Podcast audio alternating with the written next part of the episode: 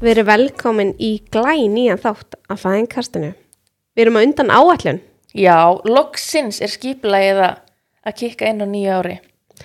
Við erum allavega að reyna að gefa út aðeins fleiri þætti núna heldur við höfum gert upp á síðkastið. Já, við vorum með hana einu sinni í viku og svo Já. einu sinni á tveggja ekna fresti Og, og svo í einu voru liðnar þrjár vikur og engin þáttur og við bara, ha? Með Já. þáttin tilbúin og allt. Ég vinn við endur skoðan og reikningssalt sko. Já, ég bara, ég næs ekki sko. En En nýr þáttur og hann var nýr geggjaður. þáttur. Og þessi þáttur er í samstarfi við Alvagin Ísland. Og hip. Hipp, lífrænt ræktað. Ó já. Við elskum lífrænt ræktað. Mm Og sérstaklega hvað, þá með eins og með þurrmjölkina. lífrænt ræktuð þurrmjólk og lífrænt ræktað vörur. Herði, það kom eitthvað nýtt á markaðan, eitthvað svona, svona stykki sem er svo smá keksi og svona ávakstamög í miðjunni.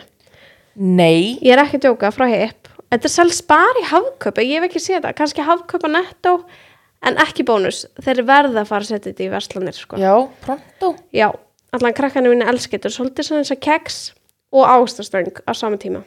Ok, vá, mínar er eftir að elska þetta. Já, ég mælum að kíkja á þetta og krukkunar, krukkumatur lífrænt ræktað, hipp. En svo eru komin að nýja vöru frá alvöggjum það er Kids Clean Já, þetta er sem sagt Cradle Cap Cradle Care Cradle Cap, ef ég er að byrja þetta rétt fram sem er meðfara sett við skóf í hársverði unga barna ég hef prófað þetta, alltaf ég. Já, hvað ert þú ekki búin að prófa? Það var ég til að Nei, vita. við fengum þetta í gjöf Já. fyrst þegar við byrjum í samstarfi við alvöggjum og því ég var að segja að strákur minni var alltaf með svona mikið ha- svona skán í hársverðinum. Já, og ég var að segja, ég var að nota þú veist kókosóli og skafa hársverðin og krakki minn orðin bara rauður í hársverðin, elsku já og greyið. kókosólíðan getur mikla já, svo var svo vond líkt á hann Já. sorry, ég bara get ekki kókoslikt á, á ég líka menn það er kannski bara ég, ekki allir. Og það var bara, þetta var ekki að ganga. Þannig að hún let mig fá þessa vöru, mannst eftir? Ég man þetta og ég við prófaðum hana þegar við komum heim í nokkra daga og þetta snar virka og hann fær samt ennþá skán en þá á ég þetta. Snið. Og þetta er hérna þú setur tvo drópa í hásverðin nuddar og það er svona lítil busti með sem getur svona bustað í hásverðin en þú mátt samt þetta er ekki til að skafa hásverðin eins og maður var að gera með hann að lúsa kampin Nei, þetta er sko svona tvöfaldur kampur og einn er svona einu meinu busti sem að hún notar til að fjarlæga þetta og svona buffer eða þannig. Og svo er ekki lúsakampur, heldur bara greiða sem að hjálpar við að fjarlæga húðflíksunar úr hárunu já Ef að börnin eru í rauninni- já, í rauninni er serumið sem maður setur að fjarlæga þannig að maður leiði því bara að vera. Setur tvo drópa eftir störtu og það er í úðaformi? Já, í fyrsta, fyrsta skipti las ég ekki, ég les ekki leiðbynningar sko. Setti svona tíu dróp og hann var bara eins og var held gjellaður sko hjá mér. En ég mæli mig að kíkja þetta kíkja þetta, kíkja á þetta ef krakkin ykkar eða batni ykkar er með mikla skán í höstum, mm -hmm. að það getur komið svepparsinging eða maður á bara að taka þetta því það getur bara komið eitthvað sýking í hásverðin Já, guð. Bara, ég man ég var alltaf hún var á brjósti þá var ég svona að leika mér að kroppa og ég þetta bara drepa tíma nú segir þetta ekki. Nú sleppur að Nei, segja ég sagði þetta sko. Bara, hefði betur átt að spláði þetta sko. Já, þetta er bara mjög mikið snild og ég prófa allt eins og ég segi, ef langar að ég prófi vörur ég skal gera það en við erum komið æðislega gestina til okkar. Þú vil kannski byrja að kynna þig og segja hlustóttin hver þú ert. Já, hæ. Ég heiti Harpa Solveig og er tvekja bandamóðir, fætti týpura. Yes. ég er búin að vera sko mamma í næstu í sex ár og á, með, á tvö börn á þessum árum. Þú gerði þetta bara í einni bunu hana hún náði mig bara strax Já, þetta, þetta er svakalegt, sko. og fekk stelpu og strák yes, það er rétt. draumur margra Já, þetta er algjör draumur og er ótrúlega þakklátt. Yes, þau fættist sérst í ágúst eh, 2020, þannig að já, þegar þessi þáttu kemur út þá er það alveg að vera sex mánuða. já, tæni Gerum úslur. Já, og ég sérst er búsett í Þýskalandi og fætti þar, bönni mín, kem frá Selfossi og yes, bara lífum mitt snýst um þetta, þessa dagana, sko. Já, það var voða fátt annað sem kemst að. Yes, það er bara er þannig. En þú vil kannski segja okkur hvernig þú fattar að þú verður ólétt. Voru þið að reyna eða var þetta óvænt? Sko, þetta var eiginlega svolítið óvænt, en svona samt ekki, þú veist, maður veit alveg hvað getur gerst, sko. Já, þetta var alveg velkomið. Já, Já. á 100%, en ég sérst... maður veit alveg hvað, hvað getur gerst Já um, En uh, þú veist, þetta er sagan er sérst þannig að ég sérst spila handbalta sjálf og við fluttum til Danmerkur eða ég sérst flutti til mannsins minns í Danmerku til hann spilar þar handbalta og hún sérst í útlöndum út af því Já, annars myndi ég ekki búi í útlöndum örugglega. og um, ég ætlaði að byrja sjálf og svo hérna, meiðist ég og bara svona ákveða okkur nú ætla ég bara að hætta. Já. og var alltaf búin að vera á sprautinu bara í, ég veit ekki hvað lengi. Mm og, yes, og ákveð bara að hætta á henni út því að fór ég ókslega mikið eitthvað svona læknar skoðanur út af þessum meðslum og það er eitthvað sem bara skólaðist til. Já, og já, og þá bara getur svona gerst en maður er ekki ekki aðverð sko það er nú bara eiginlega þannig. Það er svolítið svo leiðis. Hvernig var að pissa próf? Herri, hvað það, var það líka? Það var bara magnað eiginlega. Ég var sérst, það er hérna já í janúarmánuði. Þegar nefnilega erum alltaf heima um jólin og svona út í janúar er ég yfirleitt á Íslandi. Já, og það er yfirleitt hérna maðurinn minn er sérst farin sérst, að keppa eða eitthvað. Mm handbóltast bara. Já. Fann er- já, og og er, er aldrei, erum aldrei saman í janúar. Og hann fer hérna er ég að fara skullunum á, á hérna, máttu verið Reykjavík, sérst, við búum á Selfossi og þurftum að gista í bænum út og umulega veðri. Mm. og höfðum einhvern veginn ekkert að gera vorum bara eitthvað í Reykjavík eitthvað. Og svo einhvern veginn, just, ég var ekki að byrja að finna fyrir einum einkennum en ég vissi þú veist alveg hvað gæti gæst Já, og bara svona, æ, ef ekki bara prófa að taka eitt test jóló. Já, nokkulega, voru bara í kringlunni og lappa fram með Livju og kaup test, fyrir upp á hótel og ég pissa prófið eitthvað, fyrir bara, vorum nýbúin að kaupa okkur að borða og fyrir bara eitthvað að chilla, horfa friends upp í rúmi. Ég set bara prófið á hérna, vaskin og svo fyrir maðurinn minn á klostið eða eitthvað fyrir hann á bað og hann eitthvað ætlar ekki að fara að kíkja á þetta? Og ég er alveg nei, hvað því, ég nenni ekki að veist, ég veit alveg að það er neikvætt. Og svo kíkir hann eitthvað á þetta og bara, harpa eiga að vera tvö strik eða? Og ég alveg bara hættu þessu. Hættu að djóka svona. Kemur hann eitthvað bara, ég er ekki grínast, kíkt á þetta. Og ég sé bara eitthvað daufa línu, bara eitthvað, þetta er ekki lína.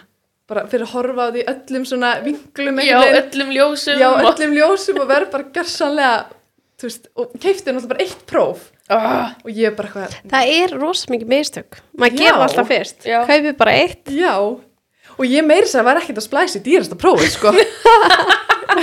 Bara taka eitthvað. já, ég bara "Ú, þetta er ódýrt, kaupi bara þetta. Já, og eh, já, og þá, þarna var allt orðið lokað, þú veist, búið að loka kringlunni og já, bara þannig að allt niður bæ.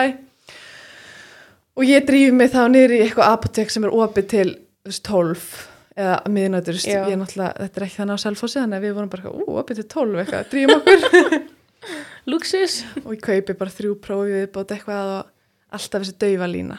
Og ég bara, nei, ég, bara, ég lít bara að vera egglósi eða eitthvað. Mm, og ég sendi á mömmu bara mamma, getur það verið að ég sé bara egglós þess vegna kemur lína? Og hún bara nei það er, gerist ekki sko. Þannig að já það var sagan með að ég pissaði á próf sko. Og þarna var ég gengin sko í alvegni þrjára vikur eða eitthvað. Já, Já. þetta var bara að bara, Valla. ég, ég var ekki einu sinni byrja að fá hérna, fekk svona, fekk svona smá blæðingu Já, bara kannski tveim vikum eftir eitthvað og þá bara fór ég panik en þá var það bara þannig að festu Hvað? já, bara svona reyðursblæði. þú Já. kom Já. svo rosalega stutt Já, þú veist, ég var ekki einu sinni búin að fá það og ég var ekki einu sinni búin að fatta að ég var, þú veist, fær ekki á blæðingar, sko. Já. Oh Það var God. ekki neitt. Ég var mjög aðeins búin að vera illt í brjóstunum, en þú veist, það var bara sjúklega eðlilegt, þú veist, mér var alltaf illt í brjóstunum þegar ég byrjaði túr og allt.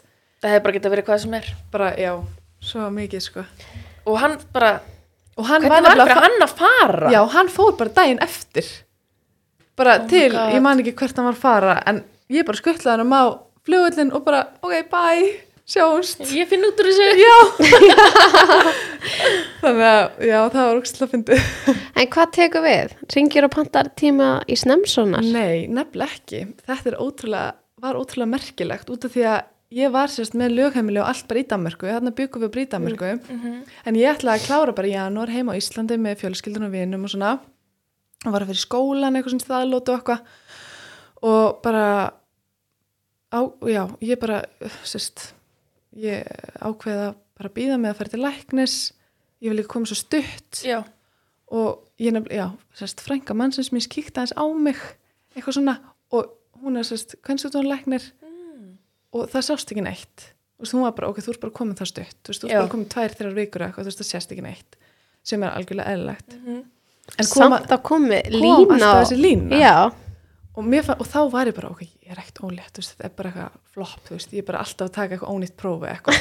Þetta er bara, þetta er drauga með ganga. Já, og ég var bara ekkert að með, þú veist, meðtaka þetta einhvern veginn. Og því að mér leið ekkert, ég var ekkert hérna neitt með neina ógleða þú veist, það var ekki neitt ok, og svo fer ég hérna á ég flug til Danmörkur hérna þú veist, 19. janúar, eitthvað svona í lóki janúar. Og ákveð bara býða eftir að fara í hérna, tíma þar, ringi og hún, bara, já, herðu, konti eftir tvær vikur. Já, eitthvað. Og þannig þetta virkar sér þannig þar að ég fyrir bara til heimilisleiknis míns og, og hún spjalla bara við mig og ég tek bara og fyrir til hennar og ég bara pissa og prófi og henni, hún tekur blóðþristing eitthvað svona og hún bara fyrir eitthvað að mæla með einhverjum hérna vítaminum og eitthvað.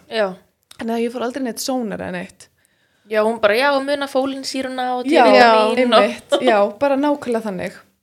Hún var ekkert að kíkja á mig en eitt og þarna bara daginn áður en ég fyrir til Danmerkur byrjaði ég að verða ómöguleg. Já, ég bara, oi barasta.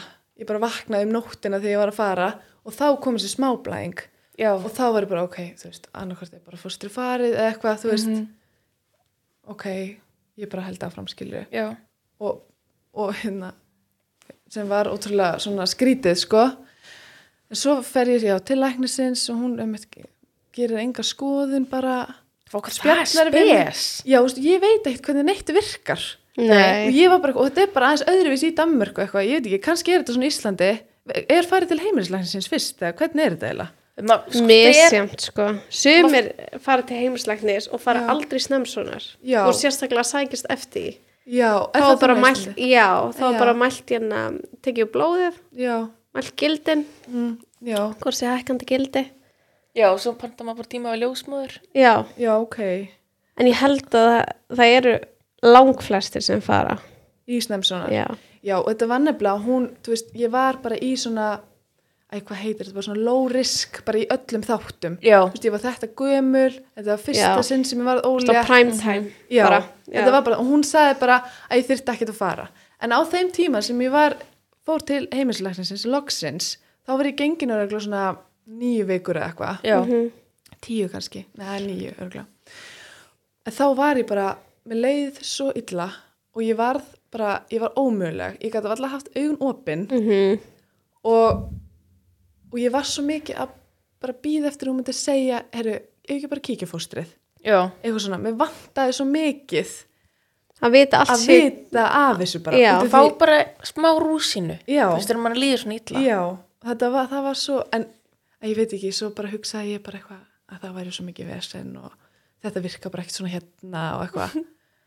Þannig að ég fór bara heim og held áfram að stillegjöndu sæng í kuðung, sko. Ó, Þetta er svo vond að vera svona Já, ofsa þreita og... já, það var bara, en ég nefnilega held að, að ég held ekki að ég er nokkuð vissum, að þú veist, þegar ég fæ nefnilega þetta litla strik á, á hérna pissuprófið út af því að þetta eru tvíburar. Já, og þá eru hérna hormónarnir svo sterkir. Mhm. og það eru tvö. Allavega hef ég hýrt þetta. Já, já, sem að meika sens. Þetta er náttúrulega bara, þú veist, þú ert með tvö önnur líf inn í Já. þér að vaksa í. En hvenar kemst í ljósa þessi tvíburar? Já, líka mjög fyndins og skemmtilega saga. Þá var þess að eftir ég var bara búin að vera ómöguleg og ég var bara gjörsanlega ekki að trúa að ég verið ólétt og bara út í ég var ekki búin að fá bara að fá að, hérna, Fá að sjá. það barnið, eða börnin í þe- þessu tilviki. Að þá var ég bara alla fyrstu tólf vikunar var ég bara, ok, ég er ekki ólétt. Ég var alltaf að býða eftir einhverju nýju ég var alltaf bara, ok, ef ég byrja að guppa ok, þá skal ég aðeins byrja að trúa því. Og svo Mhm. byrjaði ég að guppa og það bara, ok, nei, ég er ekki ólétt. Og ég var bara, þú veist bara- náttúrulega bara gæti ekki haft augun opin og var að skrifa BD-rýrgerður mín og meðan oh my god. Og var bara gjörsanlega að sko, já. Hugast sko, já, ef maður má segja það sko. Og svo fer ég heim í staðlótu í skólanum og er ég sérst e, með BD í grunnskóla kennslufræðum og var sérst að fara að kenna í skólum. Þetta var svona, þetta þurfti að gera bara þessum tíma. Og ég hérna fer og er bara með ælun upp í koki bara allan tíman eitthvað að kenna ykkur um krökkur sem ég þekkti ekki neitt og það var ógslag erfitt og Reyna að vera hress og reyna að vera skemmtileg ógslag skemmtileg og þú veist sem gekk allt í lagi sko en og svo skemmtir á COVID. Já, og þá festist ég bara á Íslandi og ég ætla, just, ég kom með bara hérna, komið með tíma úti í Danmörku Já. í 12 vikna sónar og ég er alltaf sá ekkert fram á að geta bara farið, þú veist, það bara var farið bara allt í lockdown einhvern veginn Já. og þú veist, ég hefði alveg getað einhvern veginn komið mér en mér fannst það bara ógislega erfitt, þú veist, þú veist að fara í einhver nokkuð flug og Mhm. þetta var bara óþara vesen já, Var um, kærastinn úti líka? já, Maðurðinn? já, maðurinn minn, Er þið gift? Já Ó, maðurðinn. Yes, um, um, já, hann sem sagt uh, var bara hann úti að bara sinna sínu, skilur og ég ætlaði bara að vera bara í tværi vikur og koma Já. svo bara en svo bara festist ég og fæ bara tíma hérna á Íslandi og ég held að það er ekki eftir mikið vesen eitthvað út af því ég var ekki með lögheimili og eitthvað svona og, en þú veist það reddaðist bara og ég fór eitthvað og þá var ég mitt bara búin að, og ég bara pissa á próf bara þennan dag sko Já, bara alveg staðfestingu bara, ok, ég get ekki farið þarna og það sé ekkert hún heldur bara þessi gjörsanlega geðveik Já. Ó, bara, ég veit Æ. ekki hvort að fólk tengi við þetta Já. en ég er bara, þú veist, það er ekki þannig það sást ekki neitt á mér, þú veist, ég var búin að vera svona bara í 12-13 vikur eitthvað, Mhm. og það ég var bara gjörsanlega sléttan maga, já. veist og eina sem var með, með öll einkennin. með öll einkinni Já.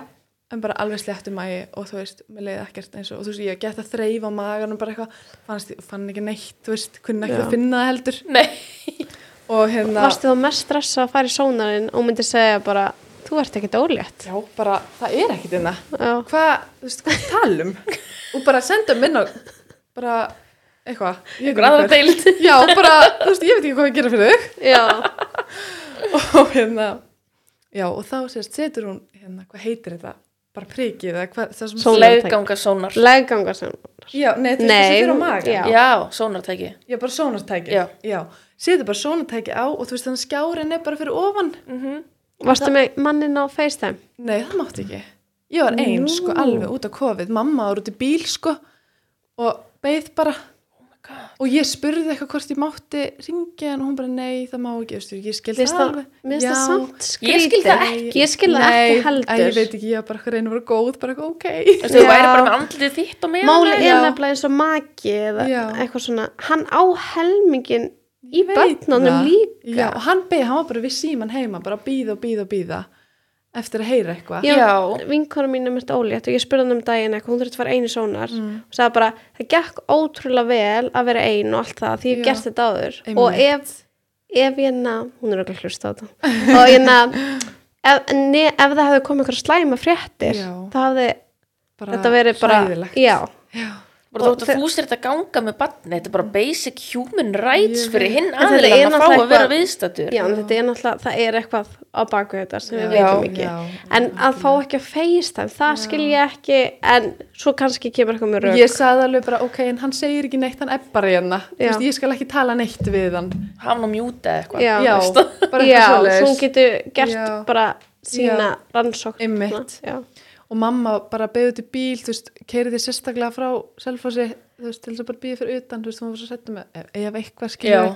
að væri bara, svo ég væri ekki líka að keira ein eitthvað svona, Fleiri með efasemdir og væri rólétt. Já, nákvæmlega hún vissi náttúrulega nákvæmlega hvernig mér leið. Já, já, þú veist, hún alltaf næst þér á þessu Já. mómenti. einmitt. Og ég var náttúrulega líka búin að vera heima alveg í einhverja tvær, þrjár vikur hann áður en ég fer í sónarinn og við erum líka bara óslega nánar. Já, En já, og svo setur hún sónatæki á magan og þá sé ég bara að það er eitthvað aðna og bara það var eins og bara þessi þetta sekundi brot það var bara eins og það var bara, ég bara léttist um 100 kíló. Já. já, og það var bara ángrið, ég sá bara allt inn í ljósi bara þetta sekundi brot. Mhm. og hún eitthvað, þetta var hérna bara ótrúlega hérna, næs ljósmáður og bara hérna já, sérst, eftir þetta sekundi brot ég næ ekki einu svona útskýra þetta og þetta var svo magnað. Og hún bara þetta eru tvö segir hún bara við mig. Og ég, ég skildi ekki hvað hún sagði eitthvað og þá sá ég það um leið. Já. Og hún sagði það, þá sá ég bara tvö börn. Oh my Þú god, veist, og ég kann ég bara aldrei séð eða svona myndir áður en það var svo augljóst. Og ég bara hafði ekki hugmynd og enginn hafði hugmynd og þú veist kannski ástæðan akkur ég var svona ótrú og hún var líka og ég nefnilega búin að segja við hana áður en við byrjum hvað mér er búið að líða ömurlega og bara er þetta ekki fara að vera búið? Já. og bara ég er ekki sjá fyrir mér að geta gert þetta lengur bara mér leið svo það hræðilega. Og hún var alveg bara ok, nú skil ég akkur ég leið svona hræðilega. Ég er samt ekki að segja aðrar konur líða ekki Nei. ömurlega skilur Nei. en þannig var hún bara ok, þú veist, það eru þú ert að, þú veist, það eru tvö líf að vaksa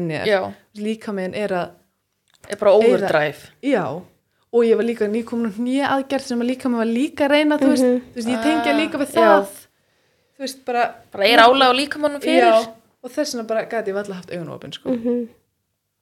en það var magnað og einmitt hann Hvernig leiðir þegar þú sérð bara já, þú sérð bara tvö börn og þú varst efinn sem að væri eitt sko. yes, nefnilega og ég bara þú veist, tek bara fyrir andliti og er samt mjög róli en ég er bara veist, og hún sá bara strax að ég var ekki fara að meðtaka neitt sem hún Já. var að fara að segja.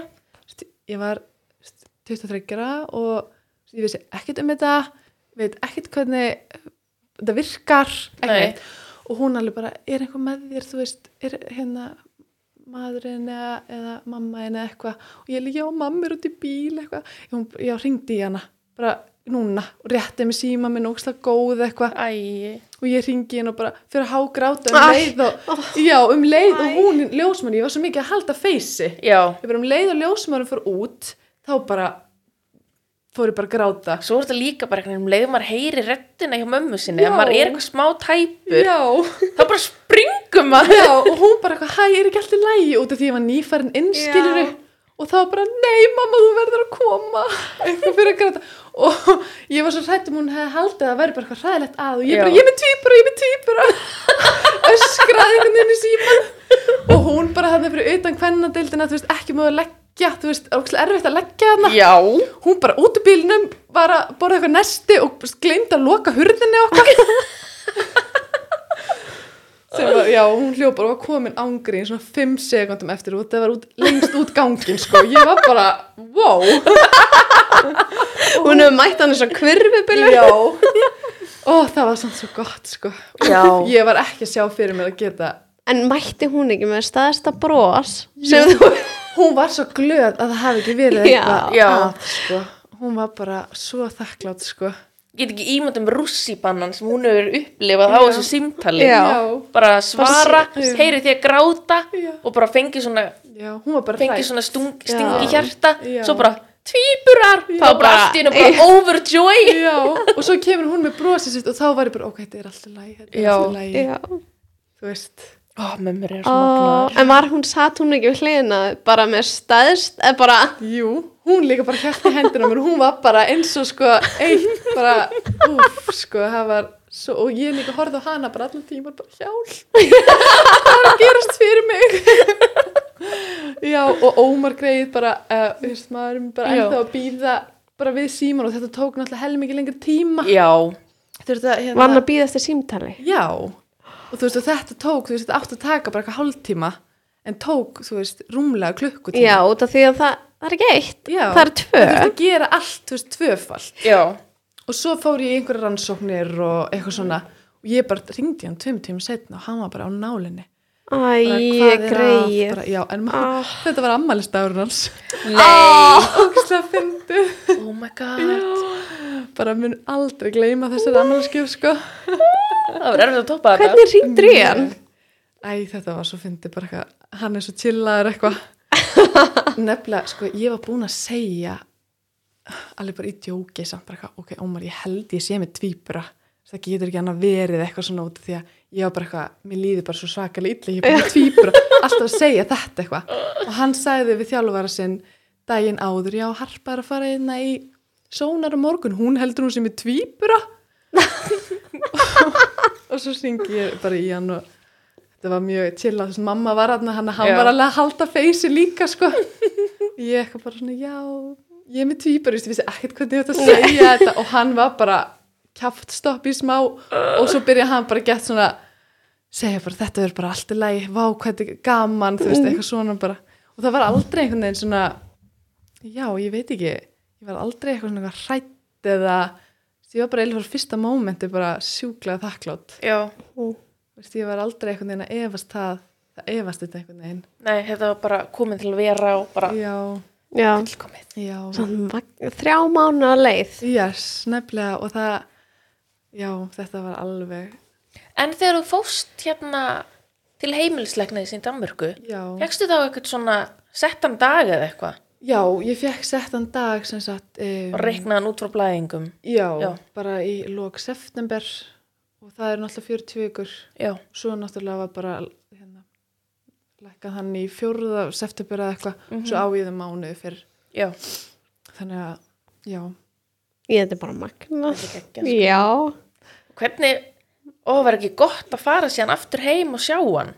jú, úff, þá var líka aðeins búið að slakast í COVID-inu sko Já, þetta var náttúrulega bara svona upp Já, og niður, upp og já. niður, upp og niður. Fór, fóru við og ég var alltaf mjög svona ég veit ekki, var alltaf með mjög litla bumbu sko, ég fekk ekki bumbu fyrir bara mm, þú veist, átjóndu viku eða eitthvað, Já, og fórst að sjást fyrst á mér, ég var svona orðin aðeins alveg svona erfitt að hérna, nefna buksunum og svona, það var aldrei bumba en Já. maður er alltaf með svona smá svona já, tussubumbu fyrst. já, þetta var ég var svolítið lengi með hana sko, Já. það fór svolítið í hjarta mitt Og maður er alltaf svona að reyna ítin út, maður er bara, ég er skóli. En hérna, hvernig virka það? það þetta er náttúrulega áhættu meðganga. Mhm. Er það bara sett, þarf þú bara að láta vita úti að þú sérst með tvíbura? Já, þetta var allt svo ótrúlega skrítið. Þú veist, ég var, já, þú veist, gerði þetta hann á Íslandi. Já, nú bara var ég að muna það náttúrulega að ég fó líki 20 vikunar á Íslandi. Varstu svona lengi? Já, hérna? Já. hann kemur, semst, hann Ómar kemur heim, er, já, hann kemur með mér í 20 vik- vikunar í Reykjavík. Ok. En það var reyndar, hann mátt beið bara fyrir utan reyndar. En varstu þá skráð í áhættu meðgöngu hérna? Já, Þannig að þú þurftir að hitta reglu að nei, ekki fyrir en eftir, eftir 20 vikur, sko. Er það ekki fyrir? Er ekki sko? Svara Ég má. bara, Ég var að taka sopa, ef þið heyrið ykkur auka hljóð þá er þetta ég hérna með Powerade En Hashtag hérna- not an ad Já, en ég held að væri alveg bara strax, bara leið og það sést að þetta eru tvíburar, þá er þetta sko, bara, sko þetta var eiginlega uh, já, var bara eiginlega besta gerðin að tvíburum sem að ég hefði getað fengið mm ég voru í sikkur um belgnum Mhm. og bara með sína fylgju og, með sína sérfylgju. já, Já, og hérna Er það ekki Já. alltaf þannig þegar það tví ekki? já, jú, Það er þetta bara tvent af öllu jú, en það ekki. fylgjan getur verið samt samvaksin held ég Já. mm. ég fætti til þess bara eina hjútsfylgju Nei, Aha, það var eins og ég var að fæða þriða barni sko oh my god hræðilegt en hvernig leiðir þá hana milli 12 og 20? já, bara, ég var alltaf að degjustressi Já, Mér leiði alltaf eins og ég væri að svindlast undan einhverju út af því ég var svo mikið á milli kerfa. já, Til dæmis bara, hel, öðvist, bara úti í Danmarku, þau vissi ekkert ég væri ólétt af týpurum, þau held að ég var bara ólétt Mhm. og bara ekki búin að fyrir neina skoðina neitt hjá þeim. Og svo ringir ein ljósmár út af því að út af COVID þá mátti ekki mæta upp á deild þar, mm -hmm. fekk ég bara svona hérna, símtal eða þú veist, símatíma eða eitthvað þannig. Og bara, uh, hún var bara að spjallaði mig bara hvernig mér liði og og þá sagði henni ég væri með týpura og þá fekk ég hérna bara tíma í einhvern svona hvað heitir þetta, vakstasónar eða eitthvað svo Já. já sem var, Voru þið múin að ræða eitthvað að fá að vita kynið? Kynin, kynin. já, það kom aldrei til greina eitthvað að vita þau ekki sko já, mig, já, það var ekki það, bara skipti náttúrulega engu en ég var mál, ógislega fyndi, í tólvegna sónan þá sagðu mér eiginlega kynin Að það? já, hún var eitthvað svaka flink sko god bara sá þetta. Hún sá hérna bara strax að það var strákur bara sá tippið og svo hérna skoðan hjá stelpun og bara, já, mér sýnist þetta vera, þú veist, að þróast í, þú veist, hvernmanns kynfæri, varst þú alveg tilbúin þá að heyra þetta? Mm, Á svona, að þú komið svo stöð sko, ekkit endilega. Ég var náttúrulega bara í einhverju þú veist og mér fannst bara einhvern veginn stemmingin inn í þessi herbi, það voru allir bara einhvern veginn Hérna, hún var einmitt, hérna þessi ljósmaður var einmitt að segja mér að hún hafði aldrei skoðað tvípur áður þetta var ung kona sko. Mhm. hún hafði aldrei og bara hún var einmitt eitthvað að segja eitthvað, já, hérna var hún kaffistofuna áðan og það langt síðan að koma einhver kona sem vissi ekki að hún var með tvípura og þá var, veist, var mætir þú. Mæti ég. Alveg en já, og þá mér fannst eh, andrúslofti eitthvað svo pínur rafmagnað einhvern veginn, eða þú veist, það vo- voru allir eitthvað pínur svona, var svo nýtt fyrir öllum einhvern veginn, Já, og hún spyrir mig eitthvað, viltu vita? Og ég bara eitthvað, já, ég vil vita en ég vissi eiginlega ekki að hún var að minna eitthvað kynin. Nei, þá sagðu mér það eiginlega bara. En, þú veist bara, gott að blessa skilur en, en hún sagði eitthvað, þú veist, þetta er ekki 100% en, en mér sýnist þetta að vera svona. Já, þetta er bara hennar álit. En hvað, varst þú með eitthvað svona hugmynd um hvort kynið A og B væri? Uh, já, hún sagði mér bara þetta er náttúrulega alltaf að tala um A og B Mm og hún sá bara að, að hérna, jú, B, jú, að B væri strákur Mhm. og hann var fyrir ofan Mhm. svona, og hún lá fyrir neðan þannig að ég vissi alltaf, þú veist, ég vissi alltaf að strákurum væri hérna Mhm. og já, grunuðum að stelpan væri fyrir neðan svo, sem var reyndist svo rétt, já Hvernig fenguð þá staðfestingu? í 20 vekna Í 20. sem var hérna á Íslandi. Já. Fegst að vita í sónartum sjálfu með ákveðið að vera með eitthvað svona blöðru eða eitthvað Nei, við fengum þetta bara í umslægi og opnum á hérna bara út í bíl. Já, Ógeðslega bara saman. grútlegt. Já, bara þið tvö. Já, við tvö, en við vorum svona búin að ákveða, við, sögðum ekki fjölskyldinu, ég, að ég er með litla systur og henni fannst þetta svo sjúklega spennandi, ég fór og keifti það, þú veist, blá og bleika samfelli, já, fekk að opna pakka. Mjög lítið og grútlegt, sko. Hvernig fannst, fannst þér líka að sé stelpa, stelpa, strákur, strákur er líka geggja. En Já. þú fækst eitt á hvori. Já, bara, Bara svona, svo mikið blessun, sko. Ég bara skil ekki, alveg ótrúlega, ég er ennþá í dag og þau eru að vera sex, sex mánuða, ég en, horfi bara ennþá á þau og bara, á ég eitthvað bara. já. já, hvað er að gerast hérna? bara að eilífu Já, að eilífu bara. Ógeðslega mikil blessing. Já. Voru þið búin að finna eitthvað nöfn á þessum tíma? Um, já, mjög líka fyndu. Mér finnst allt svo fyndu.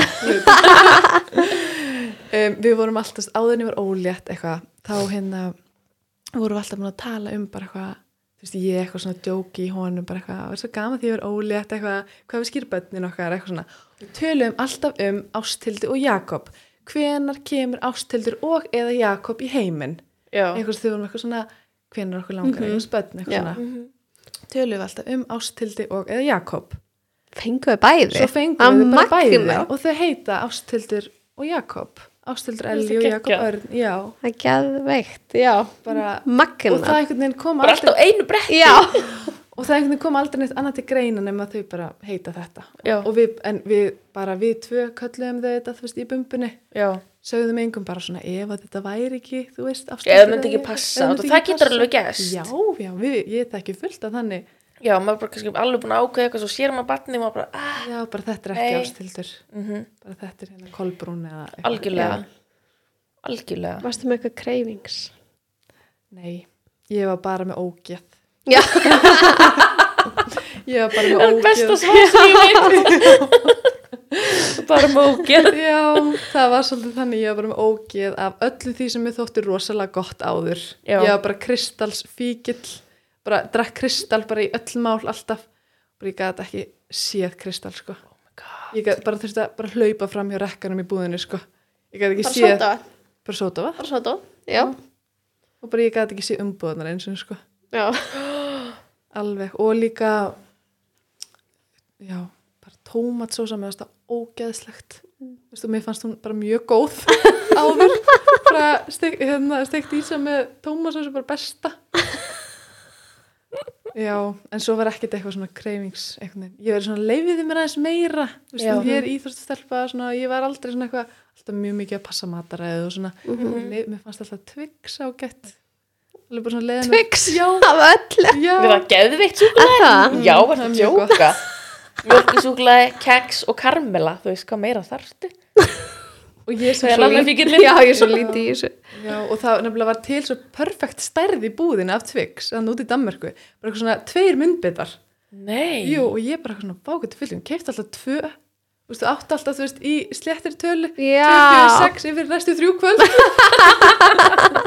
Og alveg bannaði bara þrjú ég verði að eiga alltaf tvö. Já, Já, Þú veist, það möst. algjörlega. Hvernig var samt að hafa tvö bönnin í þér?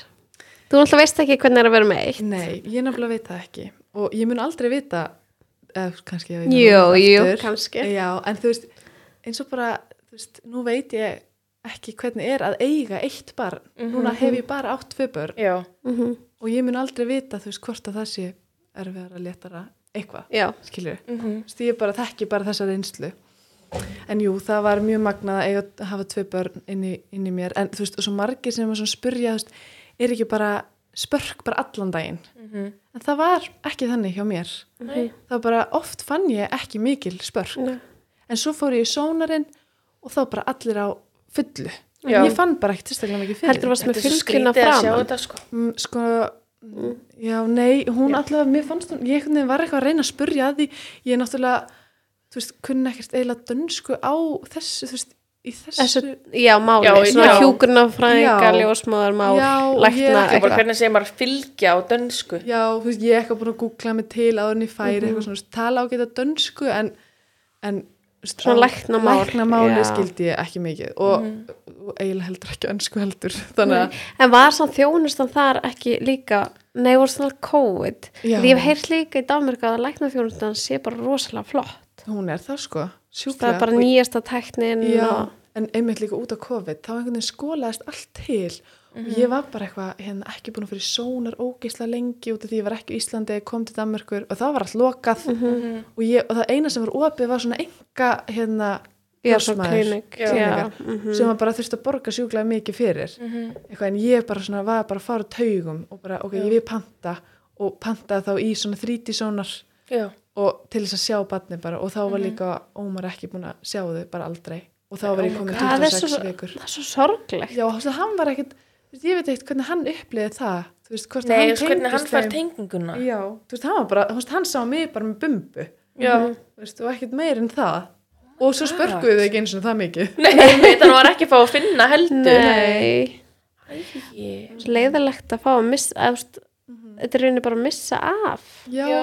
Þeir missa, í þessum faraldri, Já, þá eru fa, ekki Feður. feður, Makar. bara makar, já, bara makar, makar að missa af þessum sérstökum mómentum, að bara Já. fá að sjá fyrsta skipti barnið.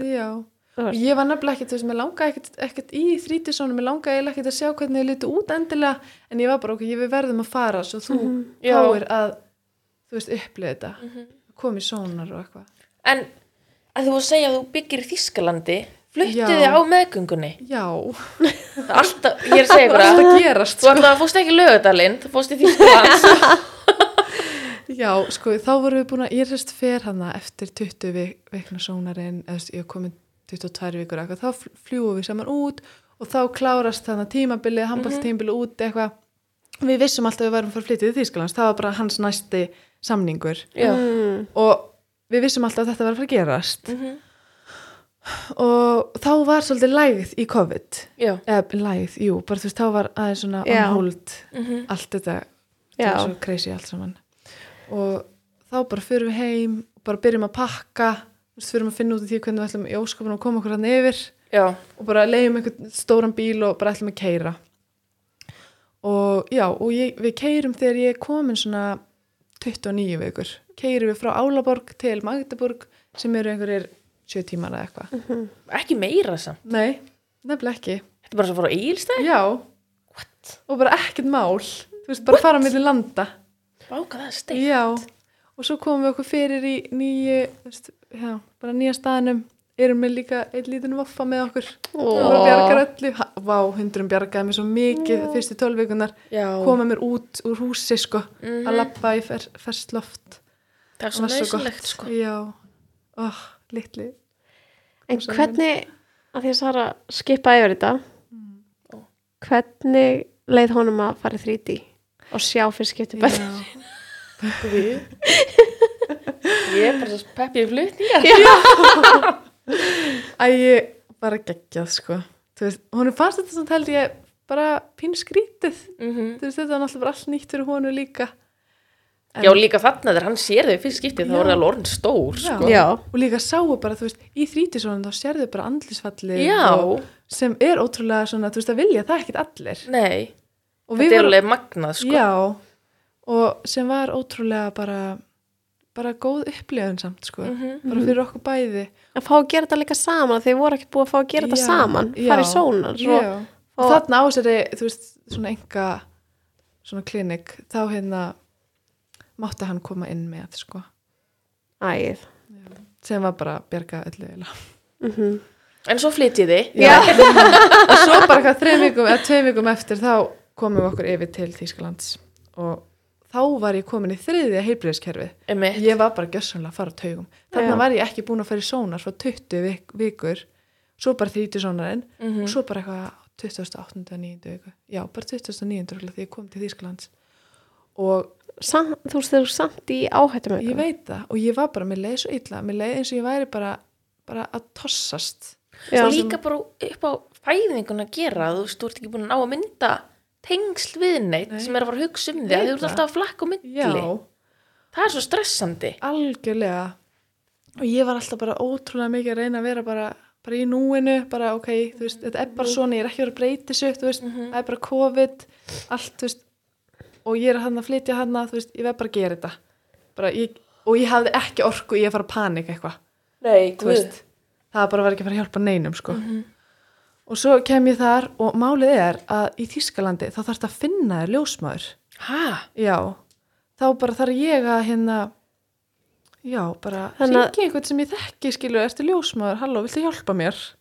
Guð? Já, sem var hérna pínu stressandi. er þetta þá að þú ert bara ljósmáður allan tíman Já, bara eina já, sem er samt ég hefði viljað það það er sjúklega Já. næs. og bara þegar ég var búin að finna mína, það var bara, bara vá hvað það var gott. já, Já. Og hún kom bara heim, skilur, Mhm. ég þurfti ekki að fara neitt, hún kom bara alltaf heim til mín Já. og svo nú eru þau sex mánuða og hún er að fara að koma heim til mín og hitta krakkana, þú veist, í svona skoðun, bara Nei. þegar ég kem út aftur í lok janúar, eða núna eftir er geðvægt og þau eru sex mánuða, sko. Að hún er fylgir manni Bara alveg Ah. í gegn. Já, þannig að hún tekur ungbarn eftirlitið í rauninni líka. Já, og ég bara er með hana á hérna WhatsApp eða svona einhver spjalli, bara get alltaf senda á hana. Bara hvað, heyrðu, ég er að fara að byrja að barninu minn að borða, þú veist hvað ég gera? Ég náttúrulega veit ekki neitt, skilur Og hún bara, heyrðu, já, farðu og gera þetta. Eða svo ég mæli með þessu, hérna, lestu þetta og gefur mér eitthvað síður til að lesa eða eitthvað, skilur mm Bara hjálpa mér bara allt sem ég þurfti. það er geggjað það er geggjað. já, það er Ok, mjög ég hef flott þjónusta já. Já, mér fannst þetta sjúklega góð hvernig þjónusta. fannst það það? Ég bara, Craigslist. Nei. Ég sendi bara inn á Íslendingar í Þískalandi bara, hérna, hvernig virkar eiginlega eignast börn í Þískalandi? Ég er hérna gengið 30 viku með tvíbura, Já. getur einhver leiðbind hjálp bara Já, bara Já. hjálp, bara SOS hérna. Og þá var bara ein ótrúlega indislega kona sem er ljósmaður sjálf, Ís- Íslendingur sem bjó ekki saman stað, í Þískalandi er sjúklega stórt, gat, þá gætt hún ekki verið með mig, skilur, sem ég hefði reyndar viljað óksla mikið. Mm. og hún bara var þá inni á okkur ljósmaðra síðu í hérna, Þískalandi Ah. og bara hérna þessi kona hérna er býr í Magdeburg er einhver þarna í kring sem getur og þá bara, þannig kynntist ég henni þessar ljósmaður og líka máli var ég þurfti einhverja sem talar ensku Já. út af því ég býð þannig eiginlega bara í östu Þískalandi og þar sem ég býð talar eiginlega engin ensku líka í Þýskalandi mm -hmm. já, líka mismunandi þýska bara á milli Já, bara Parta, sko. milli, milli horna. Já, og það var einmitt bara, og út af því að tala ekki margir hérna, ensku, þá var ég bara ógislega heppin að finna þessa. Og hún var bara algjör engill, sko. hvernig var að hitta hann í fyrst skipti? Ég var alltaf bara sjúklega stressuð, bara eitthvað, einhver koma sem ég þekkti ekki neitt. Welcome, my friend. Já, bara hvað ég að segja, og ég er náttúrulega, ég er ekkert sérstaklega góð í ensku heldur. og hvað þá einmitt einhverju svona læknamáli og eitthvað, og hún bara var svo sjúklega næs og við bara tengdum strax. já, En þetta var samt ekki ljósmaður sem tók á móti börnunum, sko. Þetta var, það, það tengdist því ekki neitt, sko, eiginlega. Nei. En hérna, hvað tekur svo við? Hvernig leið þér á þessum tíma?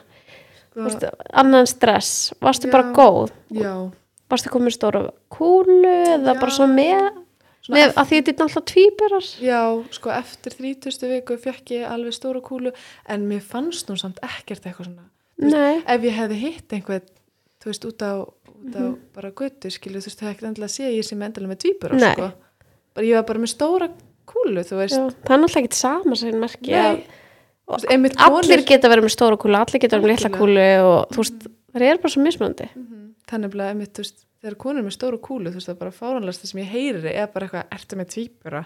Og líka Svo Já, ertu ekki að fara að eiga, maður er bara svona nei, já, þrjá mánu eftir, Já. þú veist, en takk. Slepptu þessu bara. En ég einhvern veginn upplýði mig bara, já, eiginlega aldrei eitthvað svona sjúklega stóra nema kannski svona tveim vikum áður en ég átti. varst í bumbuhópa á þessum tíma líka á Íslandi Sko, já, bara á Facebook. já.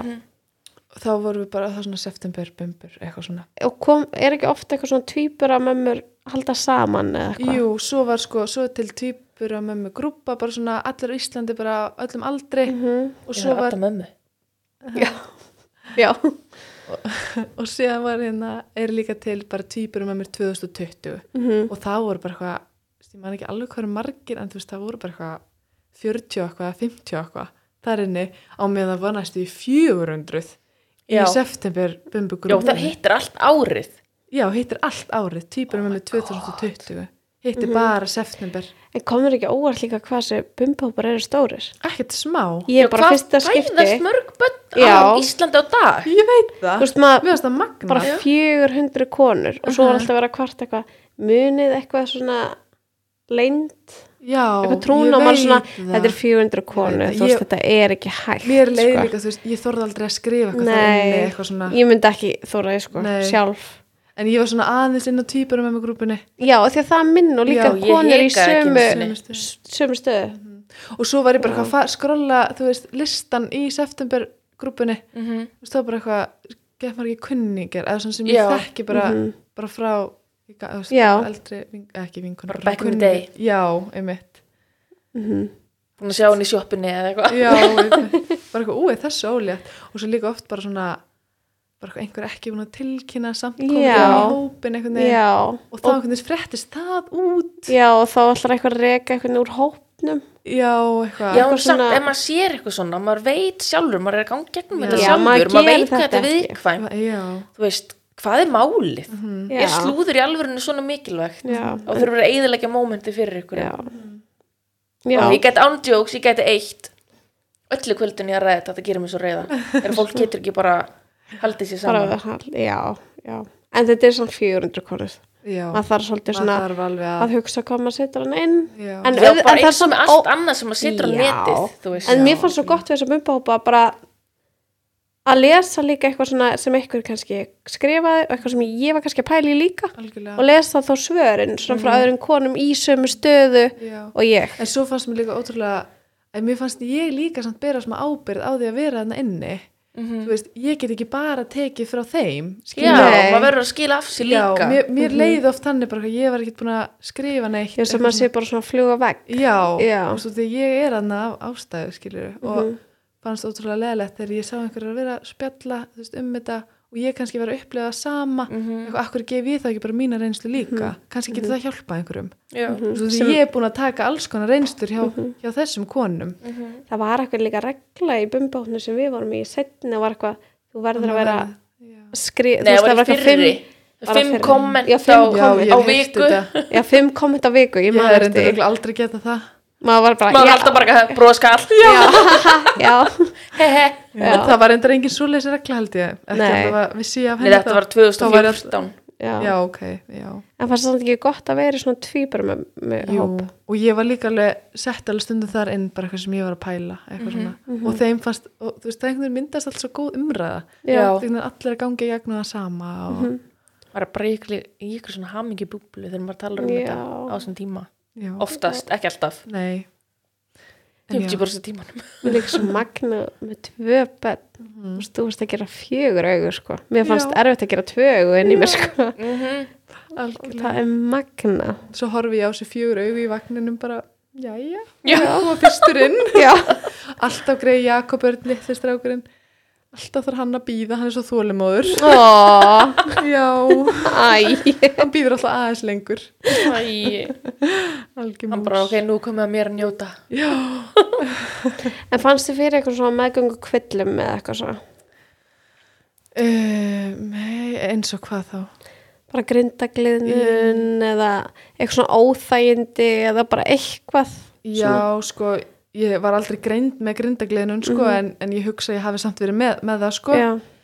Mér var orðið, en ég var ótrúlega hraust. Já, bara í gegnum alla meðgönguna þú veist, ég var bara í fjallgöngum ennþá þú veist, geng 21 viku. Mhm. og bara ótrúlega bara leið vel. Hvernig fannst ótrúlega með bumbi líka? Ó, Það er ekki geggjað, gaman? Sko. Jú, ég saknaði svo mikið sko. Þetta er svo Það er magna að besta sko. Þetta klætt, verið í kjólum og, Mega bara vera með bumbuna út um allt. og strjúkana og Já. fara svo í bað og spjalla við lilla bumbuna sína og Það okkar var svo, ég notaði hann alltaf sem svona morgumatsdisk. Já. Notaði Hún var svolítið svona, svona ofalega hjá mér þannig að það var fullkomið. Já, þau eru alltaf tvö Já. Þannig að eitt er svo já.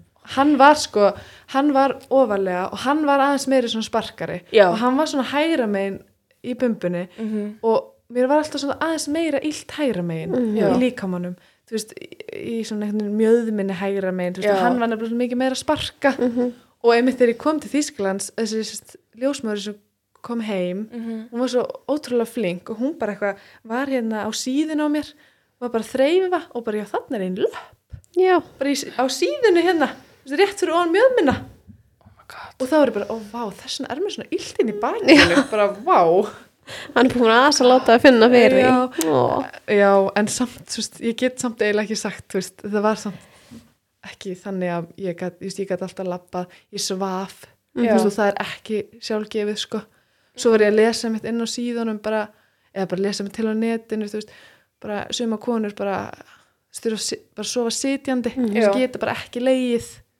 En ég var reyndar alveg í svona 20 mínútur á leiðin og klóstið á nóttinni sem, Já, þau eru að skrýða bara og það er við hliðan að herbygginu mínu. Og það er svona veginn að jugga sér Já. Það- Ég sakna þess ekki Að jugga mér úr rúmunu til þess að komast á klósetti Og ég er í ógstlega Já. rúmi, ógstlega asnalegt. Það er svo óþægilegt Já. En hvernig varst þú svona líka undirbúa fyrir fæðinguna? Já, Og ég, sko, Dattir, kjælstu það er þið bara keisari eða það var búið að sérst, ljósmaðurinn, heimaljósmaðurinn mín, hún var búin að eiginlega undirbúið mig undir keisara Mhm. og sem að mér fannst svolítið, mm, ég var ekki alveg ná sátt við það sko. Mhm. Þú Veist, hún var ekki með sónartæki á mér skiluru og sá ekkit hvernig þau lágu eða Nei. neitt svoleiðis, en sagði það samt eitthvað að ég þyrfti að fara í keisara. Þú Veist, mér, mér fannst eins og hún var svolítið bara, það er miklu auðveldara fyrir þig. Mér, mér leið þannig. Þótt að ég veit að keisara er ekkit auðveldara en, en venjuleg Nei, og maður er oft lengur að jafna sig eftir það. 100% og mér langaði líka að fæða þau. Mhm. en svo var þegar hún sagði þetta Allavega að fá tækifærið á að reyna. Já og þegar hún seg, sagði þetta bara já þetta verður líklast bara keisari. Þá var ég alveg bara svona þá fekk ég samt, ég ætla ekki að ljúga þá fekk ég samt pínu létti. Bara Já. ok þá þarf ég ekki að fæða tvö börn ok, hú, eitthvað svona en já sem, svo einhvern veginn ég var alltaf að reyna að undirbúa með eitthvað en ég vissi ekkert hvað þetta að gera. Mhm. þú veist, ég var eitthvað að reyna og mér langaði ógislega mikið í eitthvað svona meðgöngu, jó, meðgöngu jóka og eitthvað alls konar Mhm. fínir í en það var bara ekkert í bóði út af COVID. Og líka á nýjum stað Þannig að maður veit kannski ekki alveg hvað maður á að leita. Já, ég vissi ekkert hvert ég átti að leita. Nei Stert að fara í lest í klukkutíma til að komast á einmitt, og engin talandi ennsku einhvern veginn og mér Mhm. fannst það bara ógislega óþægilegt. Já. En þá einhvern veginn var ég að reyna eitthvað að lesa mig til á netinu sem hjálpaði mér ekkert sérlega mikið sko. Það eru og ég fann líka alltaf bara reynslu af þú veist, ein, einbyrra Já. Já, svo líka oft bara slæmsögunar bara slæmi sögurnar Já, maður sér þær alltaf fyrst Það er eins og heilimanns bara sogast af Ég þeim frekar það. eða eitthvað og ég ætla bara búin að lesa í hálftíma bara eitthvað hræðilegt Já. Eitthvað svona sem gerist fyrir eitt eina hverjum þúsund maður bara, oh my god Já, Ég er bara ein þetta af bara þeim. gerst fyrir mig. Já. já. Alltaf En hvað gerist svo þegar þú ferð á stað? Hvað Já, sko ég á þau 7. ágúst sem er á 34. 34, já, ég taldi alltaf á föstudag, þetta var föstudagur Já. þannig ég var bara, ok, ég bara hérna gengið 34 vikur eitthvað svona en það var sérst á miðvikudeginum Mhm.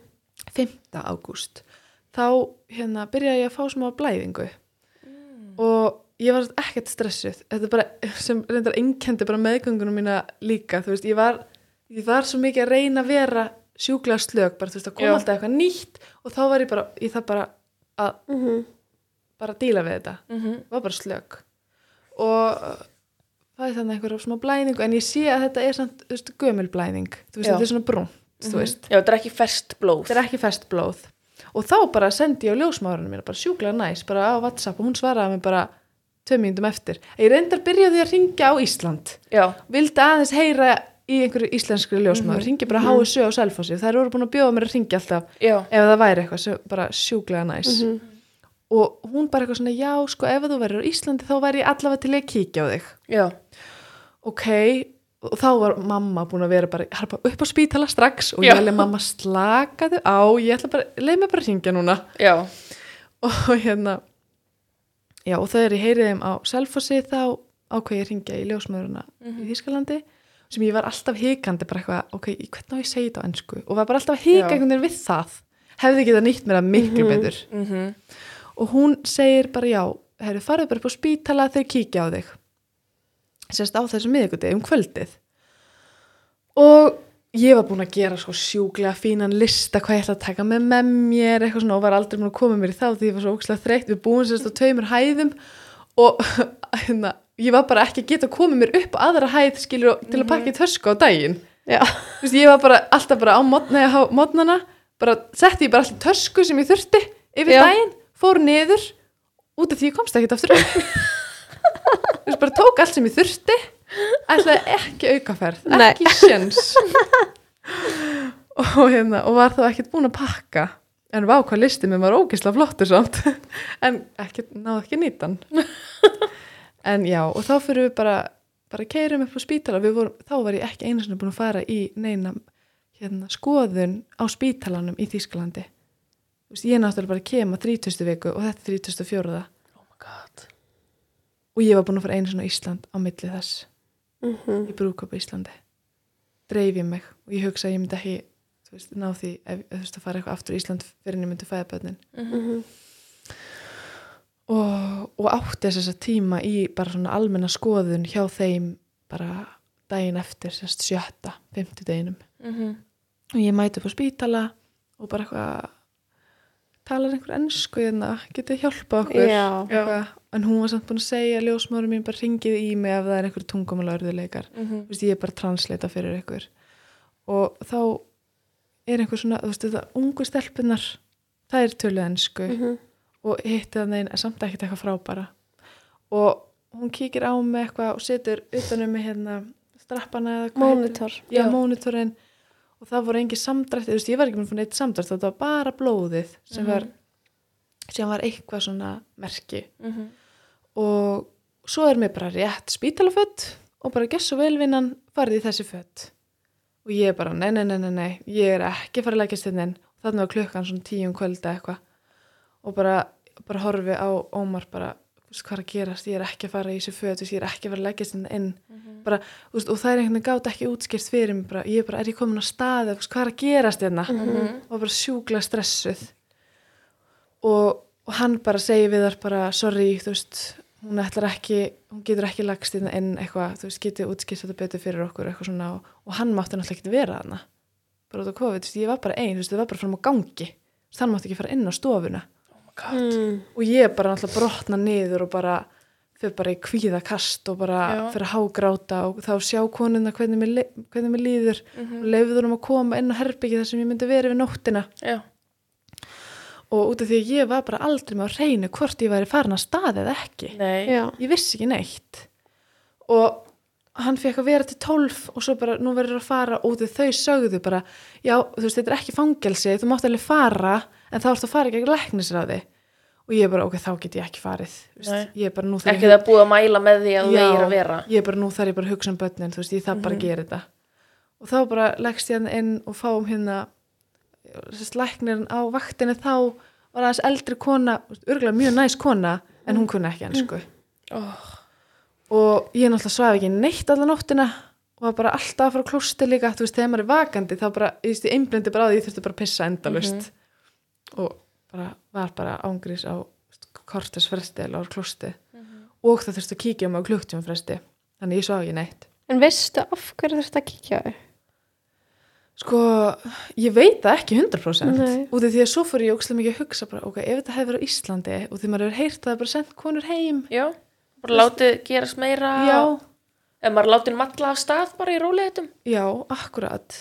Og hérna og þú veist, ég hugsaði það alltaf bara ef ég var á Íslandi þá var ég bara búið að senda mig heim. Samt sem ég veit ekkit 100% Nei, kannski ekki dandilega. Nei, þú veist, ég vissi ek- ekkit alveg hvað var að gerast, en Mhm. mér leið allavega þannig, þú veist, ég var bara með þessa smá blæðingu sem hætti bæði vei um morgunin, þú veist, það bara kom ekkit meira. Og enga verki eða neitt, þú veist, ég var bara, ok, þú veist, á ég bara ekki að finna fyrir þessa fæðingu eða, þú veist, hvað er gangið hérna? Og hún kemur alltaf á klukktíðum fresti, eitthvað að kíkja samdrættina, er með enga samdrætti, eitthvað, og svo gerist það einu sinni sem að mér leið ömurlega með. Þá kemur hún inn og tjekkar útvikun og segir mér ekkert hvað hann er að gera. Þú veist, þetta er miðjanótt, ég er eiginlega sofandi. Og hún bara setur, þú veist, fætunar sundur og bara tjekkar útvikun What? og bara treður hendina á sér inn, skilju og bara vá hvað þetta var vond Já, Ég finnst þetta ógæslega. þetta var hræðilegt sérstaklega hvað þá þegar þetta er vond þegar maður er tilbúin og veit af þessu. Já, ég vissi ekkert hvað var að gerast og ég vissi það ekki fyrir en bara einhverjum vikum eftir fæðinguna. Mhm. hvað var hún var virkilega að gera? God, kannski sagði hún mér hvað hún var að fara að gera Þú en í ekkert. já, ég skildi hann í fyrsta lagi ekki neitt og í minningunum fannst mér hún ekki segja neitt. Nei, ég var líka bara, ég, ég var sofandi eiginlega og mér fannst þetta bara svo- þurft að kíkja út já, lí- líka eins og þú ert að segja söguna, þú veist ekkert af hverju hún var að kíkja, af því að þeir eru yfirleitt leifir sér bara að vera, Já. því þetta er svo viðkvæmt svæði á meðan þeir Þú og Þú veist. er líka ótrúlega langur þarna. Mhm. og þú veist þetta var bara, hún var bara sjúklega lengi að að koma sér á staðinn sko og ái Já. varst ekki öskunandi ég einhvern veginn bara emjaði bara eitthvað smá inn í mér einhvern veginn, þú veist, Já. hvernig maður er oh, ekkert eitthvað kvart og mikið Nei, mann alltaf reynir Þú að alltaf að taka þetta á hörkunni Reyna Já, að eitthvað tillit samur gagvart henni Já. líka eitthvað svona, veist, ég er ekki, þú veist, kannski var þetta eitthvað í þeirra verkarhing, þú veist, ég bara vissi verklag, ekki, Nei, ég bara vissi ekki betur Mhm. og mér brá rosalega við þetta og mér Já. fannst pínu vera einhvern veginn að pínu lítið að brjóta mér. Já, Mhm.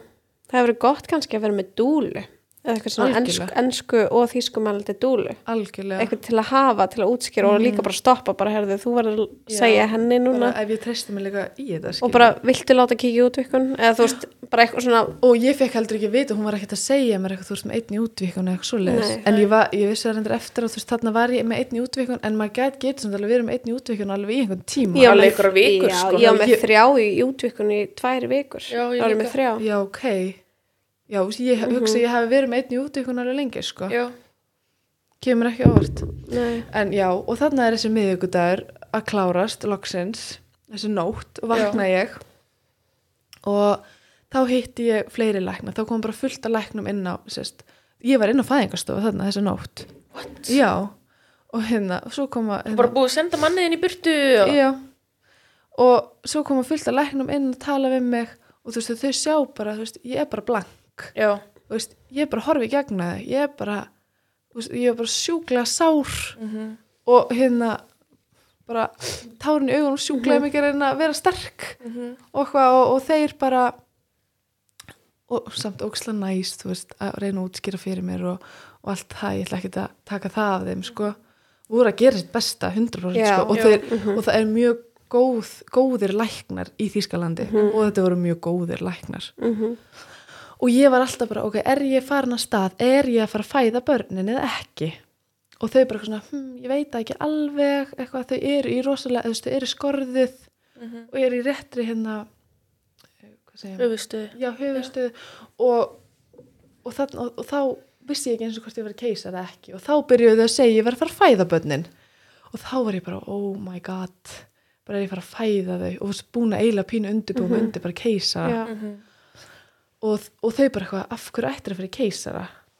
Og ég eitthvað var bara búin að segja mér það ljósmóður mín eitthvað búin að tala um það eitthvað og, og ok, þú veist ég bara tek það að hörkunni líka bara, ok, Já. þú veist ég bara gera þetta. Veist, þetta bara miklu betra fyrir bönnin og eitthvað og já ég verð bara alveg rugglega að tala um þetta sko.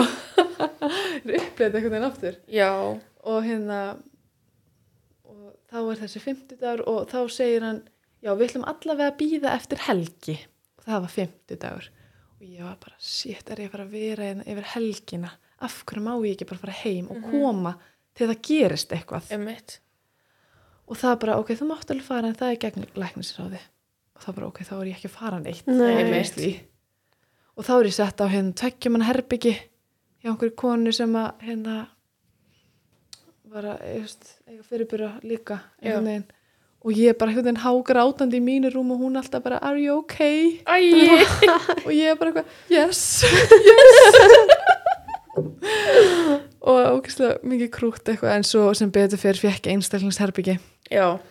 og hérna Var það svo berskjaldar í þessu mómenti svona, mm, sko. að vera með einhverjum ókunnugum Ég- allan tíman, er bara eitthvað og svona ég var svo sjúklega Já, ég bara, mér er aldrei lega varnarlausri Mhm. bara ever.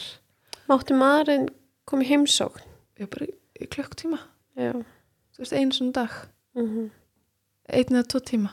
Og þá fekk ég að fara inn á einstaklingsherbyggi og hérna hjúkurnar þær töluðu enga ennsku og og ég veit ekki alveg út á hverju þetta er bara menningin á það töluðu ekki ennsku og ég var basically orðin bara rétt út hendina og bara, þú veist, ég veit eitt hver að segja. Sleppi því bara já, segja eitthvað skilur setja þetta bara í mig sem að þið er að fara að setja í mig. Já, þú veist bara af hverju að reyna. Bara, og, já, og ég var bara búin að ákveða þarna bara ok, núna verði ég bara að sleppa og treysta.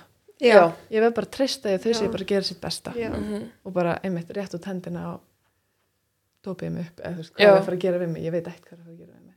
Shit. og þá leiði þessi 50 dagur sem mér fannst vera bara heila eilíf að líða. Já, þannig að með- sólaringur Já, og ég ekki með neitt dót með mér Nei, hann mátt ekki koma fyrir en þú veist eitt um daginn, þú veist, eftir hádegi eitthvað og hann alltaf bara býða fram á gangi. Þú veist, hann gæti ekkert verið heima. Hann beið bara fram á gangi. Já, já, og, og ég vissi af honum þar bara eitthvað, má ég ekki bara fara fram á gang? Má ég ekki bara sita þar? Þú komst með farða að hitta hann. já, en Já. þú veist, þetta er bara eitthvað reglur skilur, já. sem að við kannski skiljum ekki við veitum kannski ekki alveg Þetta er ástæðunar en já, og hann einhvern veginn býðandi þarna bara með dótið eitthvað og einhvern mat og eitthvað svona. Og 50 dagur líður, svo kemur föstu dagur þá bara heldur áfram, þú veist, það er alltaf svona komið á, mótnana, skoðað eitthvað svona. Ég tala um læknana og alltaf bara þetta við ætlum bara að býða eftir helgi, sjá hvað gerist. Og ég er ennþá bara, oh my god, föstu lögut og sunnundar og svo má ég fyrir heim á daginn Mhm. og svo kemur því hérna, já, og svo fæ ég sérst þetta, hvað sagði aftur þetta? Mónitor. Já, mónitor aftur Fekk ég það aftur á mig eitthvað og mér fannst það ógeðslega vant að hafa þetta ég var hann svo auð með bumbunni Svo Já. þröngt. ekkert Já. og bara, mér fannst Varst ekki líka með, þú veist þau þurfa bæði, sko? Já, ég var með tvö Já. þú veist, og, og svo, þú veist, þeir voru fyrir són þú veist, kíkja, þú veist, með sónartækinu Mhm. við ég var svo aum á, á maganum Bara, bara í húðinni alveg einn strektur og hægt var að vera og húðin var bara, ég gæti ekki komið við þetta eða sjálf oh, já. sjúklega vond og hérna og þá er ég, ligg ég bara, þú veist, ég var með þetta einhverja 40 mínútur og svo allt í hennu bara vá, bara pissaði ég í mig eða, hvað er að gerast eitthvað eitthvað já, og ég bara eitthvað ok, ég ligg hann eitthvað aðeins lengur ég- Liggur í einn piss. já, eitthvað, ég hvað þetta er ógist ég endurlega bara eitthvað, ég vil ekki láta hafa fyrir mér, ég ætla ekki að ringja bjöllunni. Nei, eitthvað svona. Rætti sér sjálf. Ég rætti þessu bara, þú veist, bara með eitthvað hangklæði þarna, eitthvað ógislegt Oh my god. Æ, hvað sæt í þér. alltaf svo hugsa ég tilbaka bara hvað er að mér? Allavega og svo gerist þetta aftur bara eftir bara smástund en samt aldrei mikið, þú veist, bara eitthvað svona þú veist, smá bleita, skilju Mhm. Og þá ringi ég nú bjöllunni og bara, heyrðu það er búið að leka hérna svolítið mikið veist, og þá fann ég, ég er ekki að pissi í mig allavega, bara ég fann það greinilega. Þetta er ekki piss. Og ég er svona stend upp með tækið á mér eitthvað svona, tek það alveg svona af mér og bara, ú, ég er að geta svindla eitthvað hérna að taka tækið af mér eitthvað stend upp. Og þá bara sé ég, þú veist, bara leka þú veist, niður. Eitthvað fyrir á klóstið og þú veist, svo náttúrulega er þetta ég vissi ekkit að veist, hvernig var það? Maður hóstar, að þá Já, var það meira. já, og ég vissi það ekki til dæmis, svo bara var ég eitthvað svona aðeins að svona spenna mig, skilur Já, Já. eitthvað svona, og þá bara kom alltaf sjúklega mikið. Já, og ég eitthvað hérna þá komið hjúkurnar ekki talandi ensku, vissi en þá ekki hvað var að gerast. Já. og hérna, hún bara og þá var náð í reyndar translator sem betur fer, kom inn ung hjúka. Sem ég bara þú veist, vildi haldi í bara endalust sko, Já, bara aldrei fara. Bara ekki fara frá mér, bara please. Og þá hérna bara, já, ég herði, við skulum bara fara inn á fæðingastofu en það var búið að vera planið að fæ, setja mér á fæðingastofuna út af því að Ómar mátti vera þar með mér. Ah, og þau ætlaði að vera sjúklega næs við mig. Já, og bara þú fæði bara snemma. En málið var það var bara ógstæð mikið að gera hjá þeim eitthvað. Já. Og þau bara, ok, núna bara græju fæðingastofu mm og ég fer hérna já, bara þá ringi ég eitthvað og bara, herðu, já, ég það er vist komið að þessu eitthvað. Og hann eitthvað bara held alltaf ég var bara koma heim þú veist, ekki með neitt ball eða börn. Og hann drífur sig komin löng og undan mér áður en ég er komin inn á fæðingastöðuna hann búin að bruna þú veist, ekki með neitt messir heldur. Oh, Nei, og Kallmenn Nei, en sko, vitið þið, það voru 30 gráður plúsana Nei og það var ekki hérna kælingan á herbygginu mínu og ólétt. Og ólétt. Og maður gæti þetta Oh. þess vegna bara geta verið sviti. Þess vegna, sko. þess vegna sko, ég var sveitt allan sólaringin sko. Já. eftir ég kom til Þýskalands það tók mig ekki fyrir að fara í bað sko. Nei, ég var bara gjörsamla og það var einhver hitabilgja en í gangi. Oh my god og á nóttunni það var bara 27 gráður í herbygginu mínu. Wow. Já, ógeðslegt. Og það var viðbjóður. Og ég var alltaf með svona litla viftu eitthvað í andlitin á mér ógeðslega mikið læti inn og svo sopnaði þóknu datt hún bara gólfið og Ó, algjört sko. Og þá var hann einhvern veginn löngu komin bara komin hann það fyrir utan fæðingarstofuna beið bara og ég náttúrulega svara ekki tímanum eða neitt. Og já, þá einhvern veginn byrjaði bara ferlið svona að alvöru einhvern veginn þú veist fæðingin. Varstu, ekki, varstu spennt eða stressuð eða allt blandað, bara Sko- tilfinningaflóð já, sjúklega blandað ég var bara ógeðslega spennt og, og svo stressu út af þessum tungumála Mhm, örðulegum skilur en fekk hjúkan að koma með? Nei, nei, hún fekk ekkert komið. Nei. Var þú engin translator í fæðingunni nei, sjálfri? hún talaði svona bjagað ensku. Já, ljósmáli sem Já, fækst ég er samt sko fæ sjúklega næs ljósmaður sem að ég bara var bara, ok, þú ert bara mjög góð. Þarna var klukkan hálf, ég treysti henni. Klukkan var hálf tvö, hún bara tók sjúklega vel á móti mér, hún vissi að ég tala ekki þýsku Mhm. þannig að hún var ekkert eitthvað að reyna Nei. reyna það, hún bara byrjaði strax. Mhm. þótt að hún sagði alls konar orð vittlust, Já. þú veist, ég einhvern veginn reyndi bara að skilja það sem hún var að- að segja einhvern veginn. Og við bara byrjum að setjumst það inn, bara sjúklega næs fæðingarstof einhvern veginn, og við erum bara einhvern veginn að chilla, þú veist, ég er með enga verki. Og við ennþá bara eitthvað, hvað er að gera sérna og við vorum gett eitthvað svona vandræðileg bara, hvað er að segja við hvort annað? Eitthvað, Já, bara, þú veist. Bara hvað erum við að gera? hérna? veist, hvað erum við komin út í Svo alltaf þetta, Já. hvað erum við komin út í núna einhvern veginn og já, og þá, þurftir að vera í monitor allan tíman já, ógislega mikið Já. sem að mér fannst, ugh, ekki Já. þægilegt Nei. og já, ég einhvern veginn byrjaði ekki að fá verki fyrir en þú veist bara þreim tímum eftir eða eitthvað Mhm. og þarna kíkt hún á útvíkununa og þá fann ég hennan sama sásauka og Já. ég vissi ekki alveg hvað hún var að gera samt Nei. En þá, já, sa, já en svona svo bara hún var að gera þetta alveg klukktum fresti eða eitthvað. Það? Geisla oft sko. Bara enda lust, ég var bara ættur ekki að fara að hætta. Pældi hvað er örugglega- en ég veit náttúrulega ekki týpur af fæðingu Nei, hvort að sé á Íslandi eitthvað Nei, við náttúrulega höfum ekki neitt til að miða við. Nei. og ég hef ekki til að með við heldur. Nei, en ég Nei. man allavega eins og í fæðingunni hjá mér í seinnaskiptið þá var held ég yfir allt ferlið bara tvísvar kíkt út Já, gluggann. ég held bara líka eins og Anna Ljósa sagði bara þeir reyna eins lítið að koma nálægt þessu Já, svæði. ok, mér fannst bara allt það er bara einu sinni og svo kannski bara í lokinu Já, svo bara í veist, þegar þessi brún er eftir að Það tjekka bara- henni.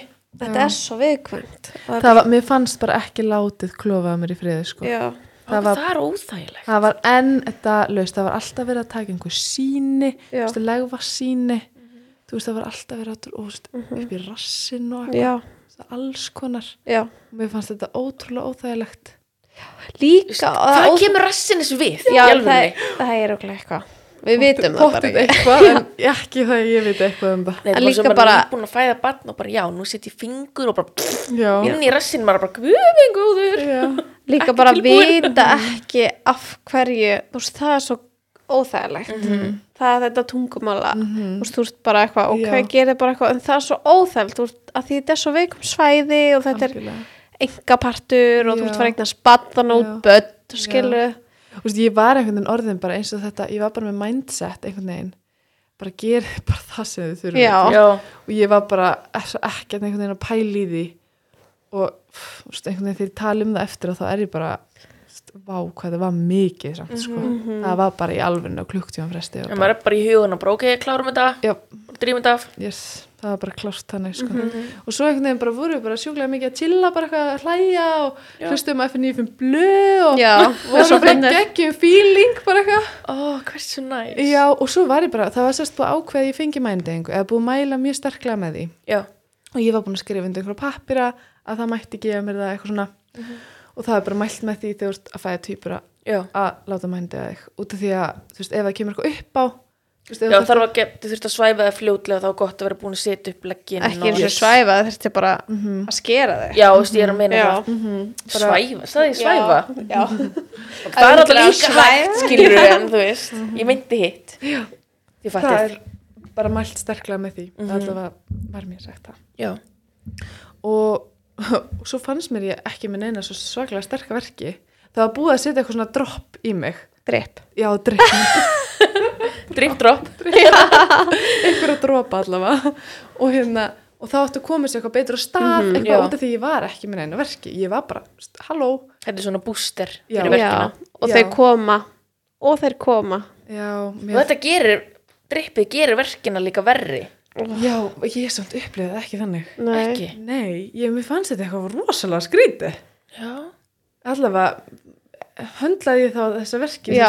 Bara með stert, háan sásöka þú veist, Hamboltin já, segðu alveg. Íþróttakonan. Já. já. Nei, ég veit ekki, þú veist, bara konur upplifði þetta Þetta Þetta er mjög, þetta er ekki eins hjá neinum. Nei, það sem ég var búin að undirbúa út, þú spurði mig áðan hvernig ég var búin að undirbúa mig eina sem ég var búin að undirbúa mig undir var bara að þetta er að fara að vera bara helvíti og bara ég ætla bara að undirbúa mig undir það versta. Þú veist, það er ekkert sem að mun toppa þetta. Því það var bara einn sem ég hugsaði.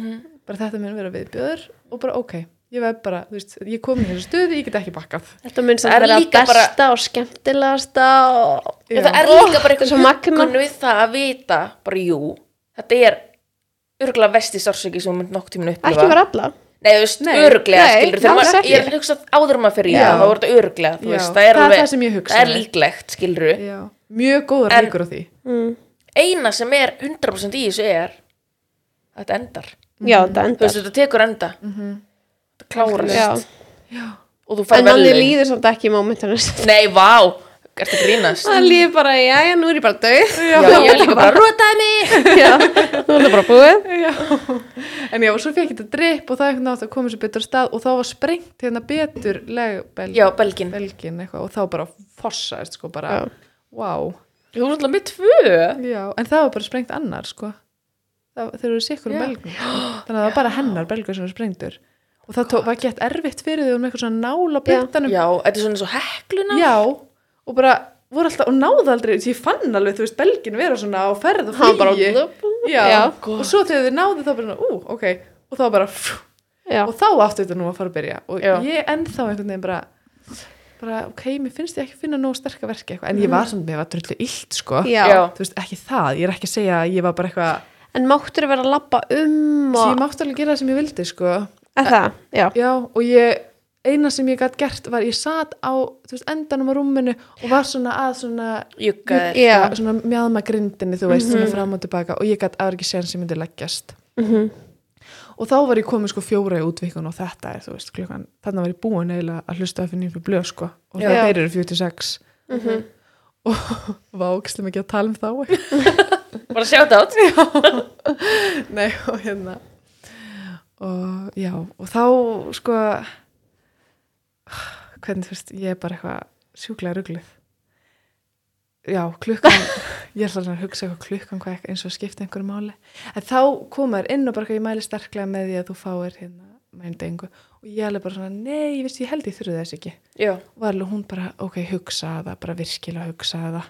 Og gaf mér tíu mínútur. En varstu samt ekki bara hress á þessum tíma? Jú, nefnilega, og hún var alveg bara, ok, þú verður, þú munt gjörsamlega kveljast, sko. En gætur það ekki fengið að bara setna? Nei, þú veist, ég þurfti að fá þetta bara þarna. Þú veist, það er að mælt með einhverjum ákveðnum tímapunkti að fá þetta, annars ertu bara sein. Eitthvað, þarna eru komið fjóru útvikun og það, þá var ég og Ómar bara, þú veist, að tala um, þú veist, hvort ég þetta, þú veist, ég var bara við hann, bara neina, veist, ég geti þetta alveg. Já. Harka þetta bara mér. Og ég var pínu hrættu við menndegjunguna. Mhm. en uh, ég var eitthvað hrætti við að fá hann eitthvað, þetta verið ógislega monta, en svo ákveðin alltaf bara að fá mér hann og til mælti svo mikið með því Mhm. og það var bara ekkert mál að fá hana.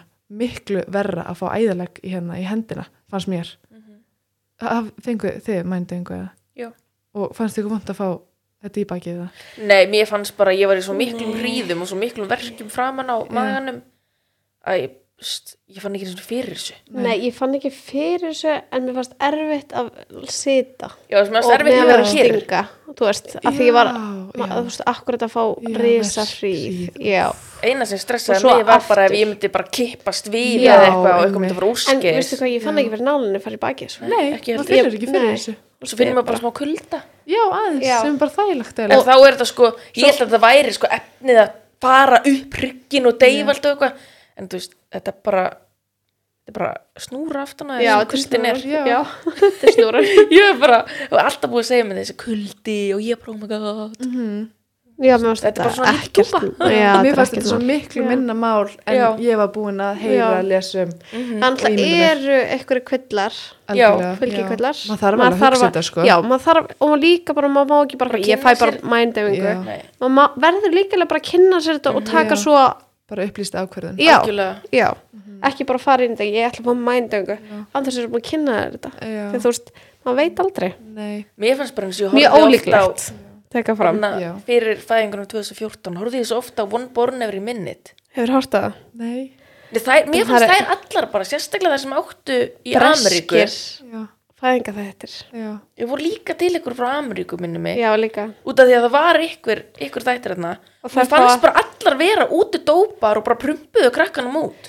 Róa sér segja út dóparinn Nei, í, podcastinu. Nei, þú veist hvað ég á við. Það voru Já. bara sjúklega En- verkjastiltar þannig að það voru bara í ykkur skýi þarna. Fundi ekki neitt. Nei, Ég svona bjóst við þessu þegar ég fekk mænudöfingu fyrst skipti. Já, Já. ok. Þess að maður horfir á eitthvað svona YouTube-vídeó af hverju konur sem maður kannski búið að fylgjast með og eru svo, það er bara glammed up og mindeving. Bara mindeving leða mæta upp á spítala. Já, svo bara eitthvað, eh, já, Já. þetta er allt öðruvísi þetta er allt öðruvísi heldur en menningin hérna heima sko, það er bara þú getur þetta, þú Já. veist sjálf ef ekki þá hjálpum við þér. Akkurat. Mér, ég reyndi svo ótrúlega mikið að passa mig á þessu að ég eitthvað, fyrsta sem ég gerði þegar ég uppgötaði að ég verði með týpura fór þú veist að leita mér efna netinu ógst að líta íslensku. Mhm. og þá fór ég bara hérna á Amazon eitthvað að leita einhverjum bókum. Og það var bara eitthvað á am, þú veist, ameríska bækur. Já, og ég pantaði það er bara eins og ekkert væri og fór byrja að lesa. Og svo var ég bara ok, nei, nú loka ég bókinni. Já, Þú veist, þetta bara passar ekki neitt við það sem að nei. við með okkar menningu Það er bara ekki takt Nei. veginn. Nú er þetta alhæfa. Já, þessi þáttur er ekki takt við raunveruleikan Ég skal bara fakta það hér. Bara hingað en hvað gerist svo?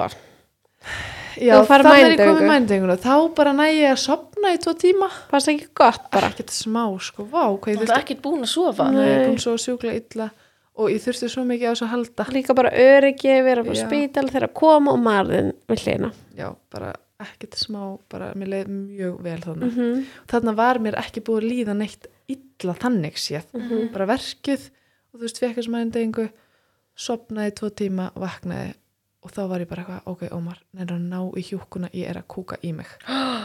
Ha, Já. svona fljó já, og ég bara, ok, hvað er að gerast hérna, hún verður að koma. Og þú veist, ég veit ekki, það er náttúrulega eitthvað svona riski eitthvað að lappa náttúrulega með mænudengu Mhm. ég var ekki deyð sko alla lappinnar, ég fann alveg fyrir löppin Já. ég náði alveg að lappa sko. Já. Já, sérst, ég held einmitt að ég væri alveg bara dofin í löppunum. Og ég, ég kæmist bara ekkert á klósiti eða neitt en svo bara hjálpu held, helduðu bæði þú veist, í mig, en hún, sko ljósmann hún var alveg búin að segja, nei, þú þarft ekkert að kúka sko, já, en þú varst bara ákveðin. Ég var bara, ég bara ætla ekki að liggja hérna með þessa tilfinningu. Ég er fara að fæða börn, ég, mér langar ekki eitthvað að kúka hérna fyrir saman alla. Og hérna hún vissi náttúrulega alveg hvað var í, hvað var í En gangi. buðu þeir, ég veit þú varst ekki fara að kúka þessu móment, en buðu þeir þér ekki svona reynsandi eins og að gert hérna? fekk ekkert reynsandi Nei, það er oft bóðið mann Já, já. reynsandi til að losa. en það var endar sko fyrir ég held að líka minn fari líka í svona mót svona Já, hann Hreinsa. líka hreinsa Já, sig sjálfur já. sko. Ekki alltaf, en oft. já, ég er Svo ef nokkuð það er eitthvað fast í, Já. þá gerir hann það já, ég fekk það öruglega sko Já, Já, já, já. en allavega, já, og þá bara settist ég á klóstið og bara eitthvað og það er bara eitthvað að þristast niður með amagrindin á mér bara eitthvað, og hún kem og svo fyrir við leg, leggjumst aftur hún kíkir bara já, herri, nú ertu komin tíu útvikun Varst ekki, ha? jú, ég var líka bara þú bara, ha, ég? Nei, ég er bara stípluð Já, nákvæmlega. Ég bara var ógisla hissa og bara, ég trúði þess ekki neitt. Og bara, já, já, og hvað, og ég bara rempast það Já, Þú veist, hvað, hvað ég eiginlega að gera? Nei, nei, þá var bara hún búin á vakt. Bara ég komin Þegiðu. Jú, ég er ekki að grínast.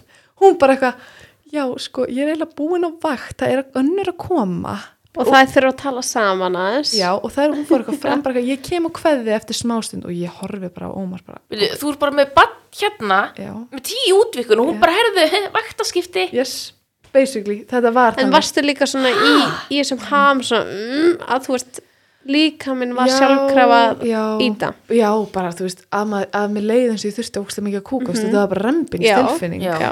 Og, og þetta, og eftir að því ég bara tala um þetta við vinkunum minn og svona, þá bara, ef ég hefði heyrt þetta, að maður fær þessa tilfinningu, þá hefði ég bara vita hvað var að gerast. Já, ég vissi náttúrulega það bara ekki neitt. Nei. Því ég vissi ekki neitt um neitt. Bara ekki í neinu. og já, og þá bara kemur ný, þú veist, ég er ekkert að taka af henni, hún var bara mjög næs líka, sko, en Já. þetta var samt bara drullu erfitt að fá bara eitthvað nýja. já, bara okkur þetta í loka spretti Já, ég var bara neitt, ég vil, er þetta típist? Mhm. Bara, Hvernig má þetta vera? Getur ekki bara að klára þetta? Ándjóks Bara ég skal vera fljót, ég lofa Já. Og þá bara loka spretturinn, hérna, þú veist, ég man ekkert einu sinni hvernig þetta var eiginlega nákvæmlega, sko. En þá bara, hérna, mér fannst reyndar sjúklega erfitt að, hérna, því ég vissi ekki hvernig maður ætti að rembast. Nei. Þú veist, Þetta er alveg tækni. Já. að grínast, Þetta maður veit ekkert sko. hvar maður á að rembast Nei. Og ég var búin að vera bara að rembast mjög fínt, sko. Já, og þú veist og krakkin einhvern veginn þú veist, já, höfuð svona eiginlega komið Já. hún bara, hvað viltu finna og bara ekki, sjens, það er bara allt það er bara, mér leið eins og ég væri bara ekki með neitt klof þú veist, ég Já. vissi ekki ég, þú veist, ég bara þekki þessa Mhm, tilfinningu mhm. þú veist, það er bara allt, bara einhverju katastrófi þannig Já. niður, sko og ekki sjens ég myndi hérna finna hún bara bauð Ómar eitthvað, viltu koma að kíkja og hann alveg bara "Mm, nei, ekki sko. Og ég alveg, nei, nei, þú ert ekkert að fara að kíkja og hann alveg gett mikið reyna veginn svona, og því ég var svo mikið að miskila konuna. Svo hún var alltaf eitthvað, mér fannst hún sko þegar hún sagði rembast, þá fannst mér hún eiginlega að segja mér að slaka. Vistu, það var einhver svona, einhver svona miskilningur á milli Já. okkar einhvern veginn, og ég var svo mikið ekki að ná að hugsa alveg skýrt. Sem er eðlilegt. alveg 100% Já. Og hann einhvern veginn, veist, hann alltaf fatta þetta og hann alltaf reyna að transleita hana Mhm. í mig, þú veist, einhvern svona þriðja Já. aðili og þá einhvern veginn varð allt svolítið, svolítið, Bara svona chaos já, eiginlega og, en svo bara náttúrulega kemur hún, litla daman bara sjúklega hratt ég remdist Kemur, færði að ná þig? nei, Nei, hún er bara tekin strax í burtu, ég er rétt svo bara Heyrir í henni? já, hún byrjar bara að gráta strax Stór og sterk. Alveg mjög sko. Stóð sér sjúklega vel. Og hérna og þá einhvern veginn Hvernig tilfinningu fegstu? Þú búið með eitt. Já, Átt eitt eftir. Og Já. fylgjuna. Þannig að þú ert að slaka bara. já, ég fekk hann einhverja mínútur, fjóra mínútur kannski. Og mér fannst einmitt, ég veit ekkert ég veginn fannst ég upplefa svo skrítið þegar hún fæðist. Þú veist, ég tengdist ég ekkert strax eitthvað. Hún er bara komin í heiminn bara Þú bara á þessi móment er það svona mamma. já, Og þú ert líka ennþá í til- verkefni Já. Þú veist, þú ert að, þú, að það yfirleitt er þessi tilfinning kemur Var maður búin? þá er maður búinn og maður svona byrjar að slaka þar er ennþá í rempingnum Mhm. þú veist, verkið er bara hálnað Varstu þá ennþá með svona að rembingsþörf? Mm, Nei, sko, það átti, svo átti eftir sko að sprengja belgin í honum. Já. Það þurfti að fara beint í það, sko, að sprengja hann. Og þau þú veist, hann var svo ofalega að þau bara fara eitthvað, þú veist, ég er náttúrulega bara, bara farin að hætta að finna fyrir hérna niðri, sko. Já. Bara dofin. bara algjörlega dofin og sprengja belgin með þessari nál þarna og þú veist, ít honum gett niður þú veist, þú voru óslega mikið að ít á magan Já. þú veist, bara svona þrýst honum niður hjálpa honum, skilur og Og svona að finna réttu leiðina. já og svo byrja ég að rembast með hann og sko, mér fannst, þegar ég fætti hanna, þá var ég bara eitthvað, ok, þetta er ekkert mál, ég geti þetta alveg aftur Já, Mhm. Bara mm, ekkert mál ok. og Geggjað. var bara sjúklega Já. tilbúin í það en náttúrulega varði ég ótrúlega þreytt fljótt ég var Mhm. mm. bara algjörlega örmagna Já. og hann er komin bara, þú veist, alveg einhvern veginn að koma þú veist, var sjúklega bara bara hausinn skilur alveg að koma og þá var ég bara, ok, ég get ekki remst meira þetta var svo erfitt, sko, þetta Já. var bara eins og hlaupa bara þrjú, bara marathon einhvern veginn og þá var ég bara, ok, ég prófa bara hérna að öskra, kannski bara, er ég bara að gera eitthvað vittlöst Leiðir allan tíminn svo væri að gera eitthvað. Já, ég vissi Já. ekkert hvort ég var ekki rétt ekki en ég var alveg að rembast svona inn í þú veist svona, Mhm. sem maður á að gera. Já, einmitt. Já, og ég held bara, mér fannst það ekki virka. Já, mér fannst bara ekkert vera að gerast. Og þá bara, ok, nú tek ég þetta hörkunni já, og bara kemur eitt góðan rembing þetta og Já. þá kemur hann bara. Og vá, heldur betur ekki sétt hvað þetta var erfitt öskra bara hvað það lífsins bara sálar kröftum og ekkert að frétta Nei. og hún bara, nei ekki gera þetta eitthvað svona Já, og þá var ég bara öll orkan eða búin já, en svo einhvern veginn bara kemur hann skilur þér Já, maður getur ekki hægt við. nei, þú veist, ég bara er að gera þetta skilur Já. saman hversu þreytt ég er já. Já. En hann var í góður standi allan Velkomin í tíman. móðurhlutverkið. já, hann var í sjúklega góðu standi bara fullkominn sko Og og hann fekk að koma til mín. Æ, já, algjör mús og öskra hann líka. að hann kikka honum í gang? Já, en bara strax hvernig leiðir að sjá bara og svo allt í henni lítur, þú veist, þú varst í rauninu bara ein með tvö bönn inn í þér. Mhm. þeir eru orðin hvað, fjara manna fjölskylda? Já, þá, já, þetta og við, ég veit ekki, þetta var allt svo bara mikið að gerast, mér fannst Mhm. svo erfitt að ná einhvern veginn í kring, þú veist, utanum þetta. Voru margir inn í herbygginu Já, mjög margir Mhm, út af tvíburafæðing. Sko, það var eitt svona yfirmaður sem var auglöslega yfirmaður Mhm. þú veist, hann satt bara og allir hinn er að gera. Og við hérna vorum ekkert stressuð nema ef þessi maður myndi eitthvað fara að stressa sig. Já. hann var bara slagur allir tíman já, og bara ef hann var slagur þá vorum við bara slök. Já. og þá hérna leggst Jakob litli timmin Ó, og hérna og svo kemur ástildur líka leggst hjá mér. Og þá bara, þá byrjar erfiða. Mér fannst bara, þú veist ekkert mál að fæða þau með við hvað kom svo eftir á. Mhm. þá þarf ég að fæða fylgina sem þarf líka hérna alveg bara að ítinni svona niður Já. og fyrstinni niður. Og hérna sem var bara, hún var bara hjúts. Og þú veist það eru, þetta eru tvær fylgjur en það geta verið samvaksnar já, og það, hún var bara held í samvaksin það lítur Já. að vera út af því fætt, fætti bara eitthvað eitt hjút kjötstykki já, Já. og, veist, og, já, og það þurfti alveg nokkra rembinga sko. veist, það var, já, ég remdist alveg fjóru sinni með eitthvað mhm, bara alveg harða rembinga sko. og varstu með þig í fanginu með það? já sem held ég bjarga öllu sko. Já, hefur kannski gefið þér svona auka styrk. já veist, ég var bara svo mikið að reyna að hugsa um þau en var einhvern veginn að gera þetta samt og já, það var eiginlega bara og svo, já, svo einhvern veginn svo byrjaði að blæða svo mikið, mistalega lítra blóði eða eitthvað og þá voru þau bara tekin. Og þá varði ég sjúglega veik bara úff, þegar ég misti svo mikið blóð. Mhm. og ældi tvisa svona mjög stór, stórar ælur Oh, veist, og svo örmagna veist, og ég fann bara, þú veist, ég var svona að feita út þú veist, ég var missa svo mikið blóð. Veist, ég var bara feit út, ég var sjúklega mikið að halda mig vakandi. Og þá var Ómar bara hliðaleginu, þú veist, með börnin svona einhvern veginn yfir, með, reyndar var kona með hann líka, Já. en hann var bara gett að passa börnin og horfandi á mig, bara eitthvað að fossa út og ég bara eitthvað þú veist, eins og Já. einhver múmía, sko Oh my god. Mhm.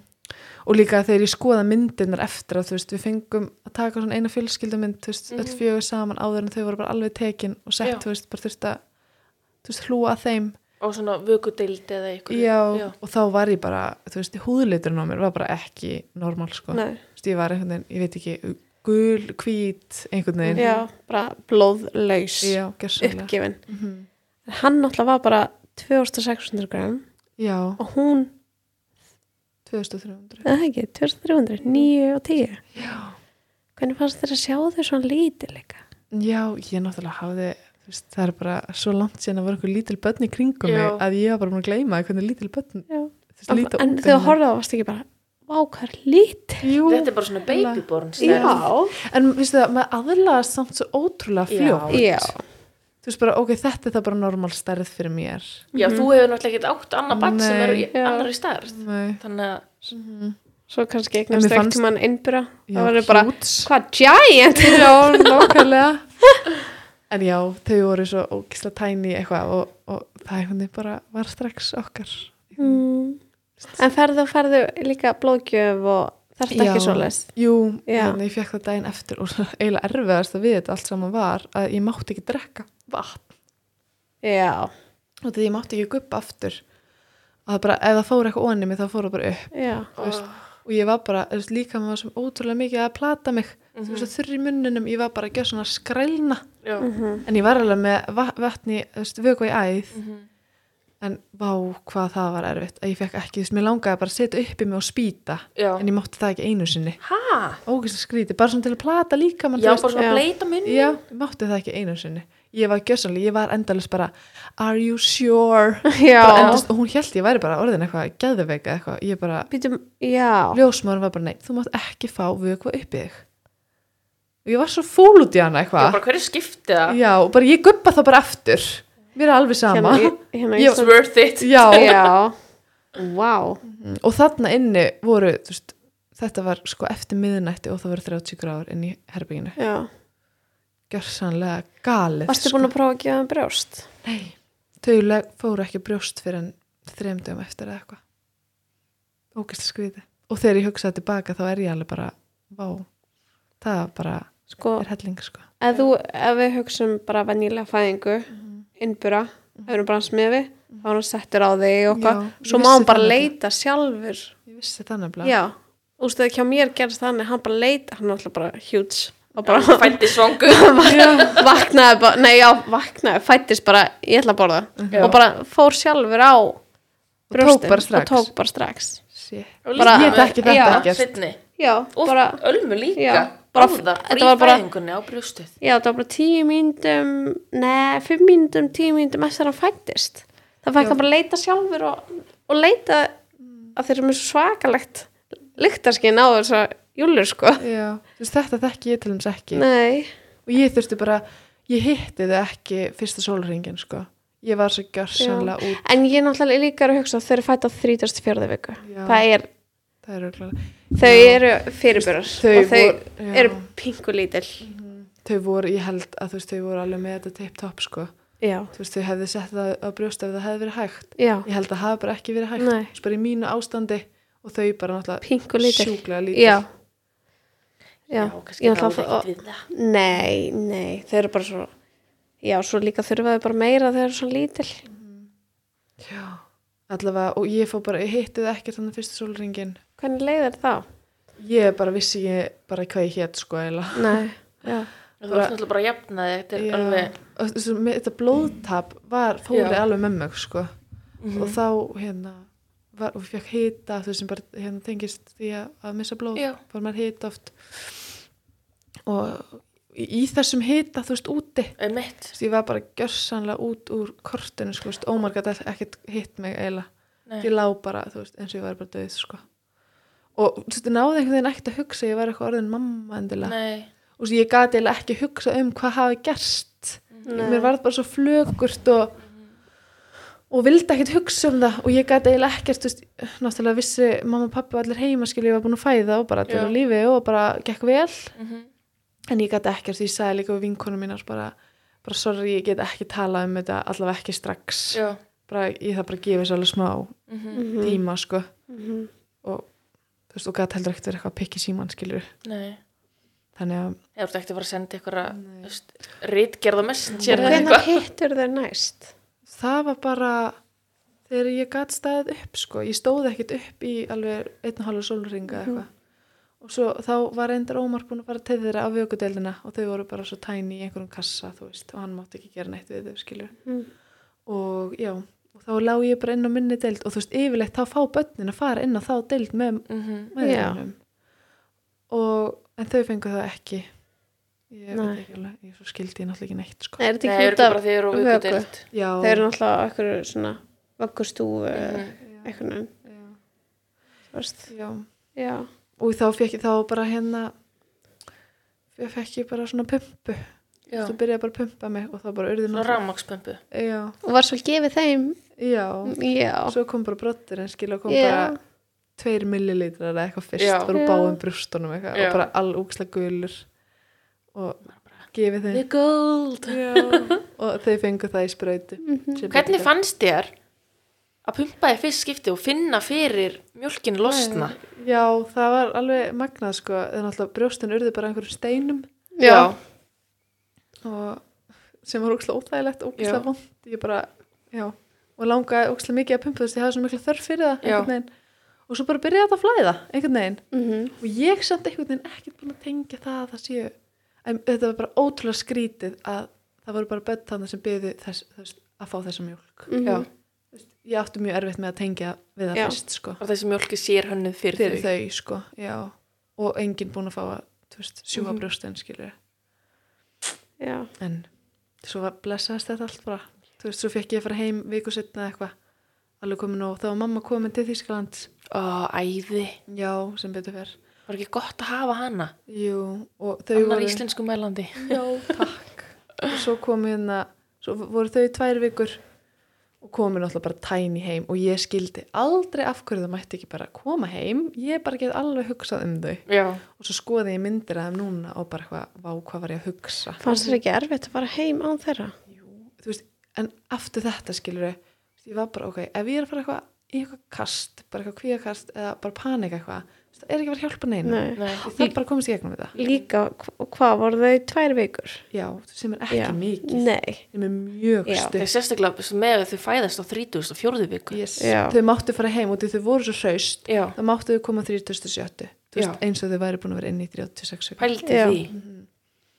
já, þú veist, það var bara að koma í gang þú veist, að gefa maður að drekka og svona. Þú veist, ég var hann alltaf á þryggja tíma fresti. Já. ekki á nóttunni reyndar. Nei. Og þú veist að leggja þau að brjóst og pumpa mig.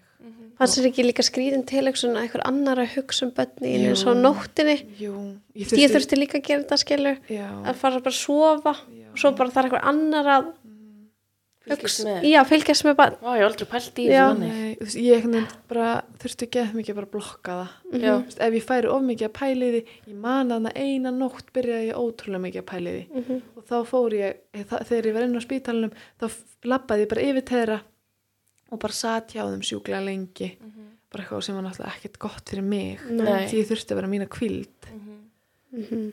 Ekkert gott fyrir neitt neila nei, Þetta er ég bara svona einhvern veginn að strá salti í sárin. já, að sita þarna einmitt Þetta er bara horfa- pína. og svo sá ég þau einhvern veginn s- þá lá, lágu þau á maganum. Og mér fannst það allt í henni geða þetta óþægild bara hvernig ég vill ekki að liggja á maganum. Þú veist, en gata ekkert snúið þeim skilur Nei.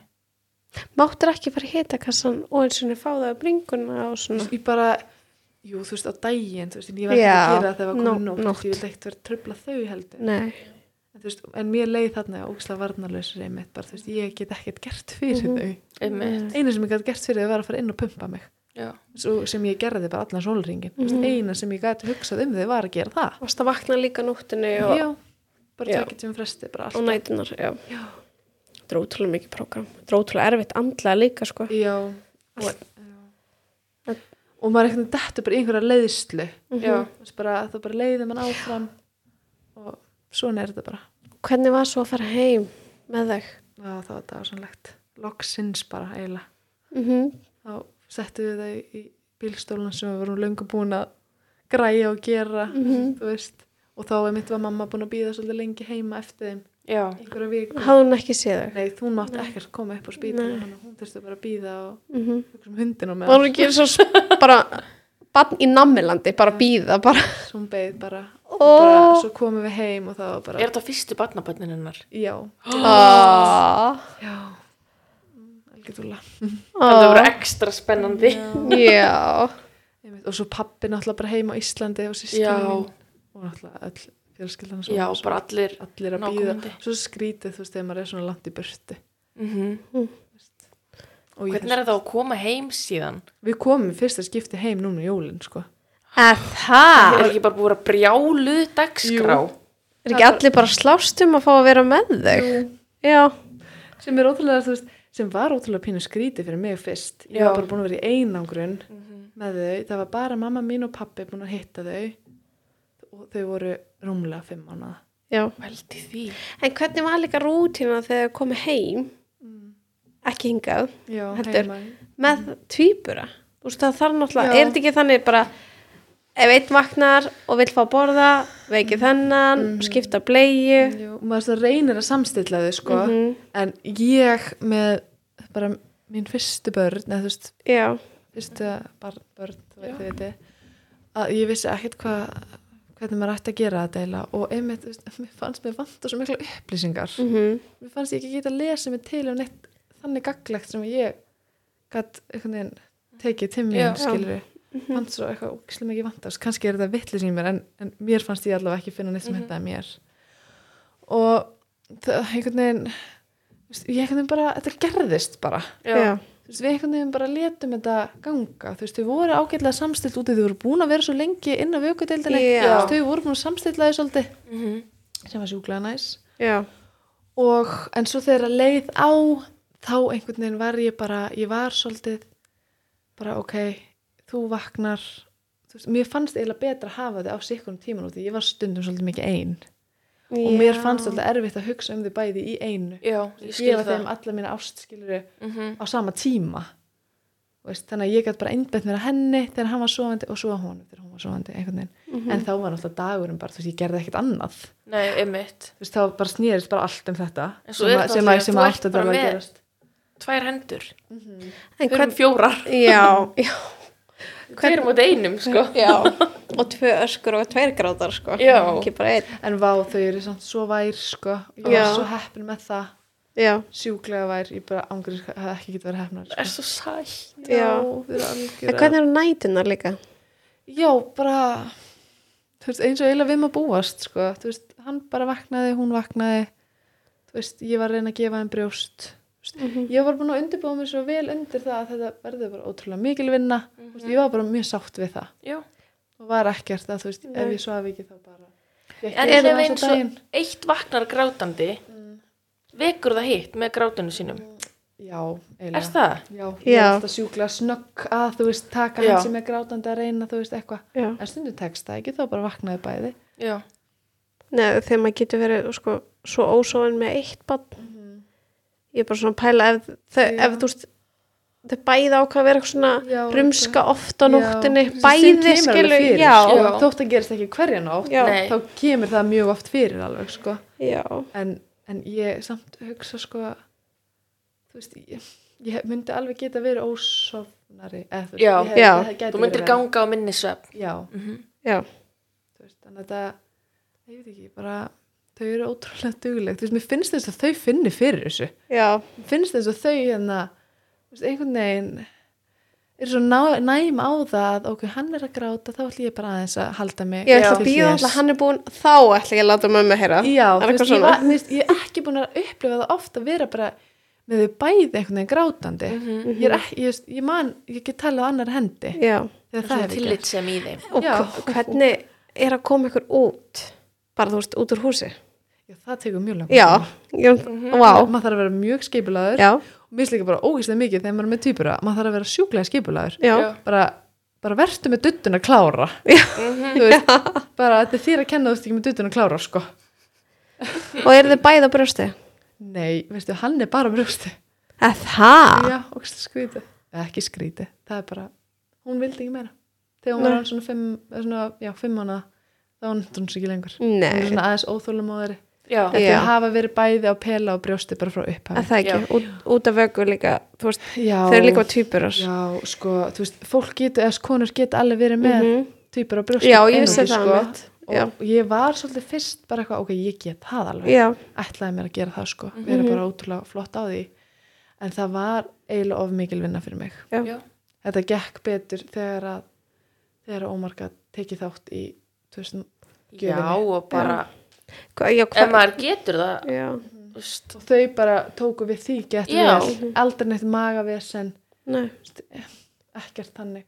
Og hann einhvern veginn tók svolítið við henni á nóttinni já, henni ástildi og hann, þá gæti hann svolítið séð um að gefa henni á nóttinni þannig. Stundum var, yfirleitt var ég bara hugsa um eitt barn og hann bara eitt.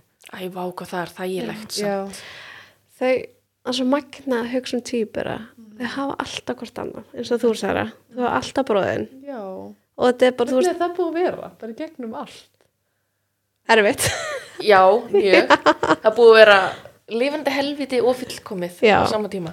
Já, Já, getur alltaf, ímyndað mér. alltaf eitthvað vin.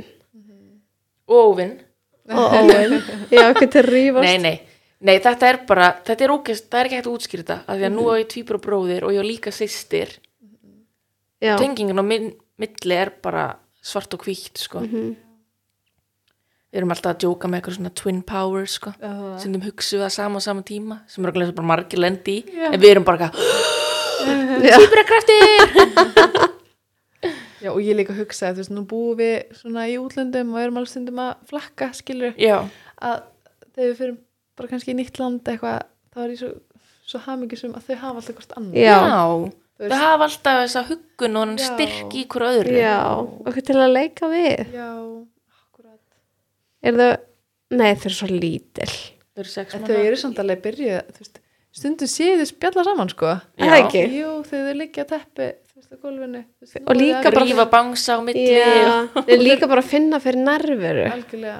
Og ég finn líka alveg að þau hafa mikla þörf fyrir nærveru. mhm, Hjá bara öðru bara. sund- Já, já, stundum fyrir svona pælið, þú veist, ég er með þau í svona, þú veist, kerruskilur sem er svona aðskilin. Mhm. Þú veist, það er ekki, þau liggja ekki sama, já, já, já, ég Já, og ekki í sama burðarúmi Já, einmitt.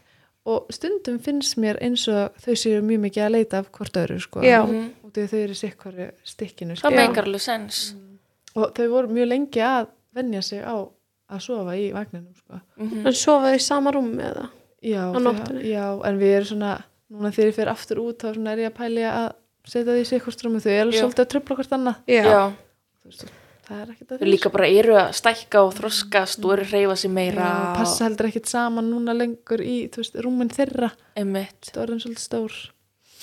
svo stækka þau svo rætt já. Núna eru þau bara risastór, sko. hvernig var það líka að koma heim með þig Oh, Hingað? Bara, já, vá, bara ekkert smá mikil, þú veist, bara tilfinningar rússi bannu, sko. já, að fá ekki loksis að sína Já. já, Sko, ert að grínast. Ég var bara alltaf, bara instastóri, bara endalaust eitthvað, klikkuð mamma eitthvað. Engin allir að skipa. Nei, tjók. En já, vá, stoltið var bara eitthvað annað, sko. Og, en samt á sama tíma svolítið erfitt út af því að ég var búin að vera í einangrun svo bara lengi, bara, bara við fjögur. Mhm. Og svo allt í henni bara eitthvað annað fólk að fara eitthvað að halda á þeim og. Já. og ég þurfti alveg að taka bara með þetta ákverðin bara okkur, nú þarfst bara að slaka á þú veist, Já. það er bara eðlilegt já. það er ekkert var að gerast, líka bara holdt fyrir þau allt hálft fyrir þau Mhm. og mig, mhm, þú veist bara holdt fyrir alla bara Já. alla já Og- en, en þetta, þetta þurfti samt alveg að ég þurfti alveg að sína þessum já, Mhm. þú veist bara svo ég erði ekki ókslega Mhm. leið einhvern veginn já, Nei, bara- ég skilði svo 100% Já, sko. og, og, og nefnilega eitt kvöldi var ég sagði ég við, sagði ég við Ómar bara, mér langar eiginlega bara að vera ennþá í sóttkví, þú veist, mm við vorum auka hérna, þú veist, komum heim og þurftum að vera í fimmta í sóttkví, Mhm. svo var hérna þessi síðasti dagur að klárast þá sagði ég við hann bara, "Æ, ég held mér langi bara ennþá að vera í sóttkví. Þú veist, ég held mér langi ekki að hitta eitthvað marga. Og ég er alveg mikil félagsvera sko, Já. það er frekar ólíkt mér já, að hugsa eitthvað svona. Mhm. En þá bara, þú veist, þurfti þetta eitt spjall skilur já, og búið en svo Já, er þetta já. líka bara eins og núna, það er heimsfaraldur í gangi Já. þannig að maður er úgeðslega var um sig Já, og vá, hversu oft þurftu við bara að setjast niður og bara horfa á heildar myndina. já, Þú veist, okkur bara, þetta var náttúrulega rosalega erfitt, þú veist, bara Já. tvö í einhverju nýju landi, skilur við. einmitt Þú veist, og við þurftum oft bara á kvöldin, bara þegar þau eru sopnuð, bara ok, ángríns, bara búið að vera erfið dagur, bara við þurfum bara aðeins að sjá heildamyndina. mm Þú veist, við erum ekki svona ómöguleg, sko, nei þú veist, Nei, þú veist líka, þeir eru búin að vera í þessu landi í fjóra vikur þegar Mhm. þú fæði bæði bönni bönnin, sko. nýtt land, Mhm. það er hjút sko. þú veist það er nógu mikil breyting að vera að fá fyrstu bönnin ykkar Mhm. hvað Hvað þá að gera það eitthvað sem að enginn skilu þig kannski ratar ekki allt 100% Guð, ekki neitt, sko. er, Ég er, rata ekki eins og spítalan, sko. það var bara Google Maps, þannig að þú veist, þegar við fórum. bara, það er ótrúlega fyndið Æ En er hann á 100% brjósti er hann að byrja að smakka mat? Þau eru byrjað að smakka mat, já. Ó, Já, og þau þurftu þess svo mikið, sko. já, Bara stækkuðu mjög, bara búin að taka einhvern svaka vakstakip einhvern veginn allt í norðin, bara nógu stóð til að sitja í svona matastólum og gaf, þá gaf ég þeim smá grammiti, svona svo grammiti. Ertu að fara eina að farast með heim svo? Nei, reyndar ekki. Við fáum auper sem betur fyrr. Auper? Já. Sem, er að koma með ykkur út? Já, sem ætla bara, þetta er einn frænka mín sem að búa hjá okkur og bara það er sjúklega næs.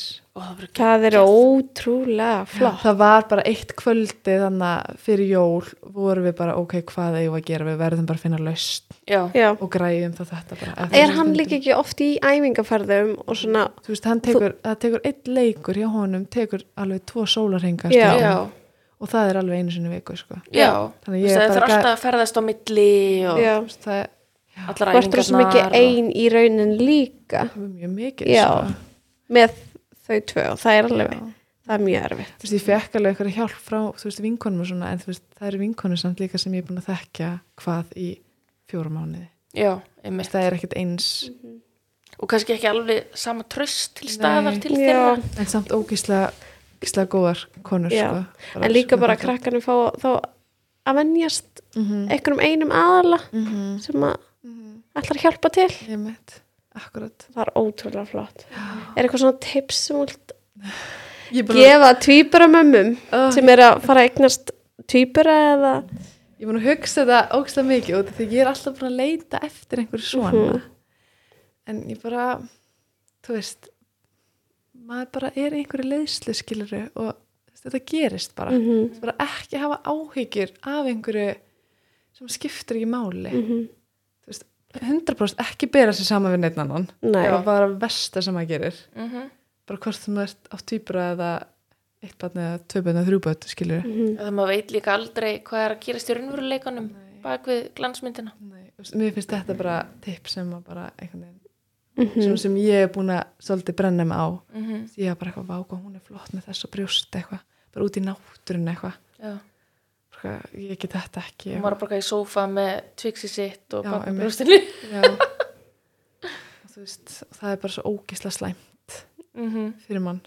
Hvað er það? bara að vond í sálina sko. svo vant sko, maður fæði bara svona sár bara Já. innst inn í manni.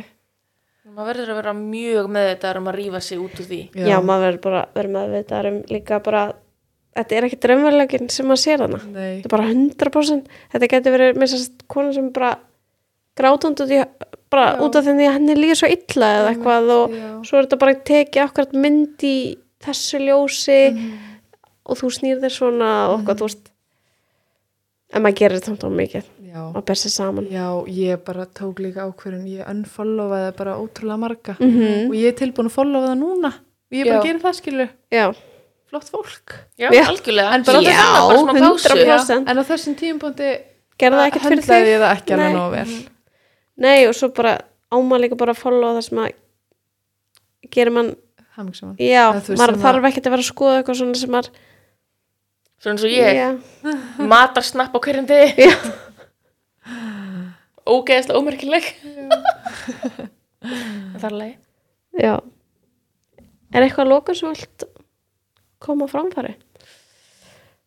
Bara ógislega mikið takk Maður- fyrir að fá mig. maður spyrja einu, Já. Hvenær nefndu þið börnin?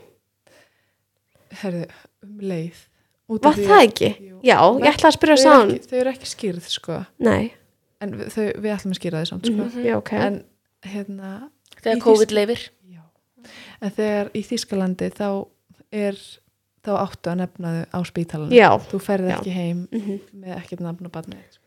það? já, hvað er maður ekki búin Hér- að ákveða? Já. hérna heitir þetta stúlka? Já, Stúlka Ómarsdóttir já, Stúlka Ómarsson já. já, að Nei, Stúlka stað Drengur. stúlka Já. Söri dóttir var hjá mér Já, já, Já. ok samt var pappinnar viðstættur sko já, þeir voru ekki Það vorum ekki saman.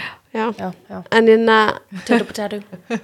já, var það ekki, þurftur ekki að skrifa niður strax Jú. nafnið og það Já, og líka sko, hún hét fyrst bara Ástildur Ómarsdóttir við vildum ekki, Já. hún héti hún heiti sérst Ástildur Elli Ómarsdóttir Mhm.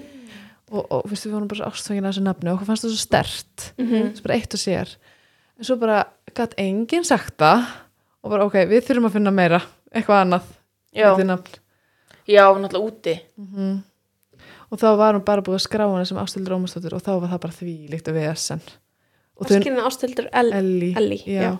og þau, þau nefnilega þau heita henni millinafni þú veist þannig útlöndum Mm. Veist, og þau voru líka sko, sko á arbandinu þeirra og stendur sko Brynja Stóttir á báðum og því það er eftirnafni mitt Já. svo það er bara svona fjölskyldunafn hann Já. Já. bara, já, bara Brynja Stóttir á báðum já, Bara, jæja, Jakob Örn minn. Brynjarsdóttir. Já. en og hann var bara nefndur strax Jakob Örn já, Já. það er Jakob Örn að Já. skrýta það þurfa að hafa þetta bara niður nælt og Já. svo ertu bara að horfa og svo bara, þetta er ekkert ást ég veit það þú veist, Já. bara eitthvað en við vorum bara sjúklega heppin, við vorum bara, þú veist, löngu búin veginn ákveð, en það eru alls ekki allir sem eru búin að ákveða Nei. Vá, þetta er bara mikil höfverku fyrir ég var flesta Já, bara Já. býttu, ég ætla ekki heim strax, ég er búin að ákveða nafnið, bara má ég vera hérna lengur. og við vorum bara eitthvað búin að vera í þrjá daga ekki búin, þú veist, að skrifa nafnið þeirra á veist, spjaldið og þau bara eitthvað, býtu, heita þau ekki neitt eða? Jú, Lilli vá. og Lilla, hvað meinur þau? Já, nákvæmlega og ég bara, ég var að fæða þau sko, slökum aðeins á. Og þau skildu það ekki neitt sko. Sko, ég skýrði báðar stelpunum mína mánaðar gamlar.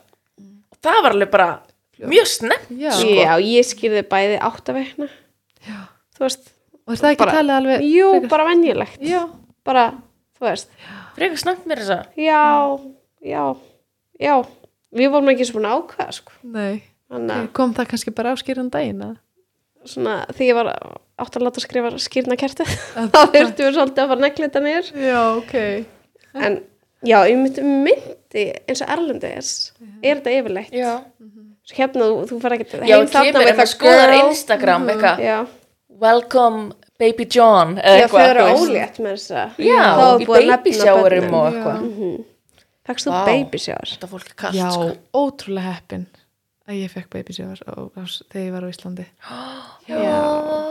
Og, ég með, sko, þegar ekki svo væntu það Já. þá minningu. Já, með vinkunum já, og bara gafirnar og því var bara eitthvað annað flott. Ó, því var bara eitthvað ó, er það að gefa mér bara þetta? Já, Æ. og líka eins og babysjágjafan, þetta er svona, kannski svona hluti sem myndi ekki endala að kaupa sér sjálfur. Eða þú veist Svona hérna- dýrir, svona Já, flott- já, Já, flottar vörur. Svo Já. fancy. já, Já. ég fekk bara eitthvað svona einhverja svona hérna taublegur, þú veist, úr petit. Já, bara eitthvað svona geðvegt fancy. Bara eitthvað, ég hefði aldrei keft mér þetta Nei. en Nei. vá hvað þetta er gott. Já, Mhm. já, Nei, bara, bara já, svona litlu hluti Eitthvað sem að, er, já, emitt, klárlega. já. en ef ekki ég var að segja þetta, ég held að þessi tvegg tíma þáttur. Já, sem er bara frábært, þetta eru tvö börn. já, Alltaf af sig. já. Bara takk aðeinslega fyrir að koma.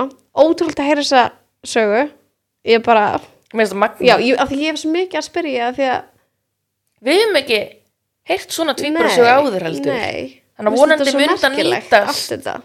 Nýtast einhverjum sem er í sömu Já. stöðu. já, bara takk hérlega fyrir að fá mig bara þá til næst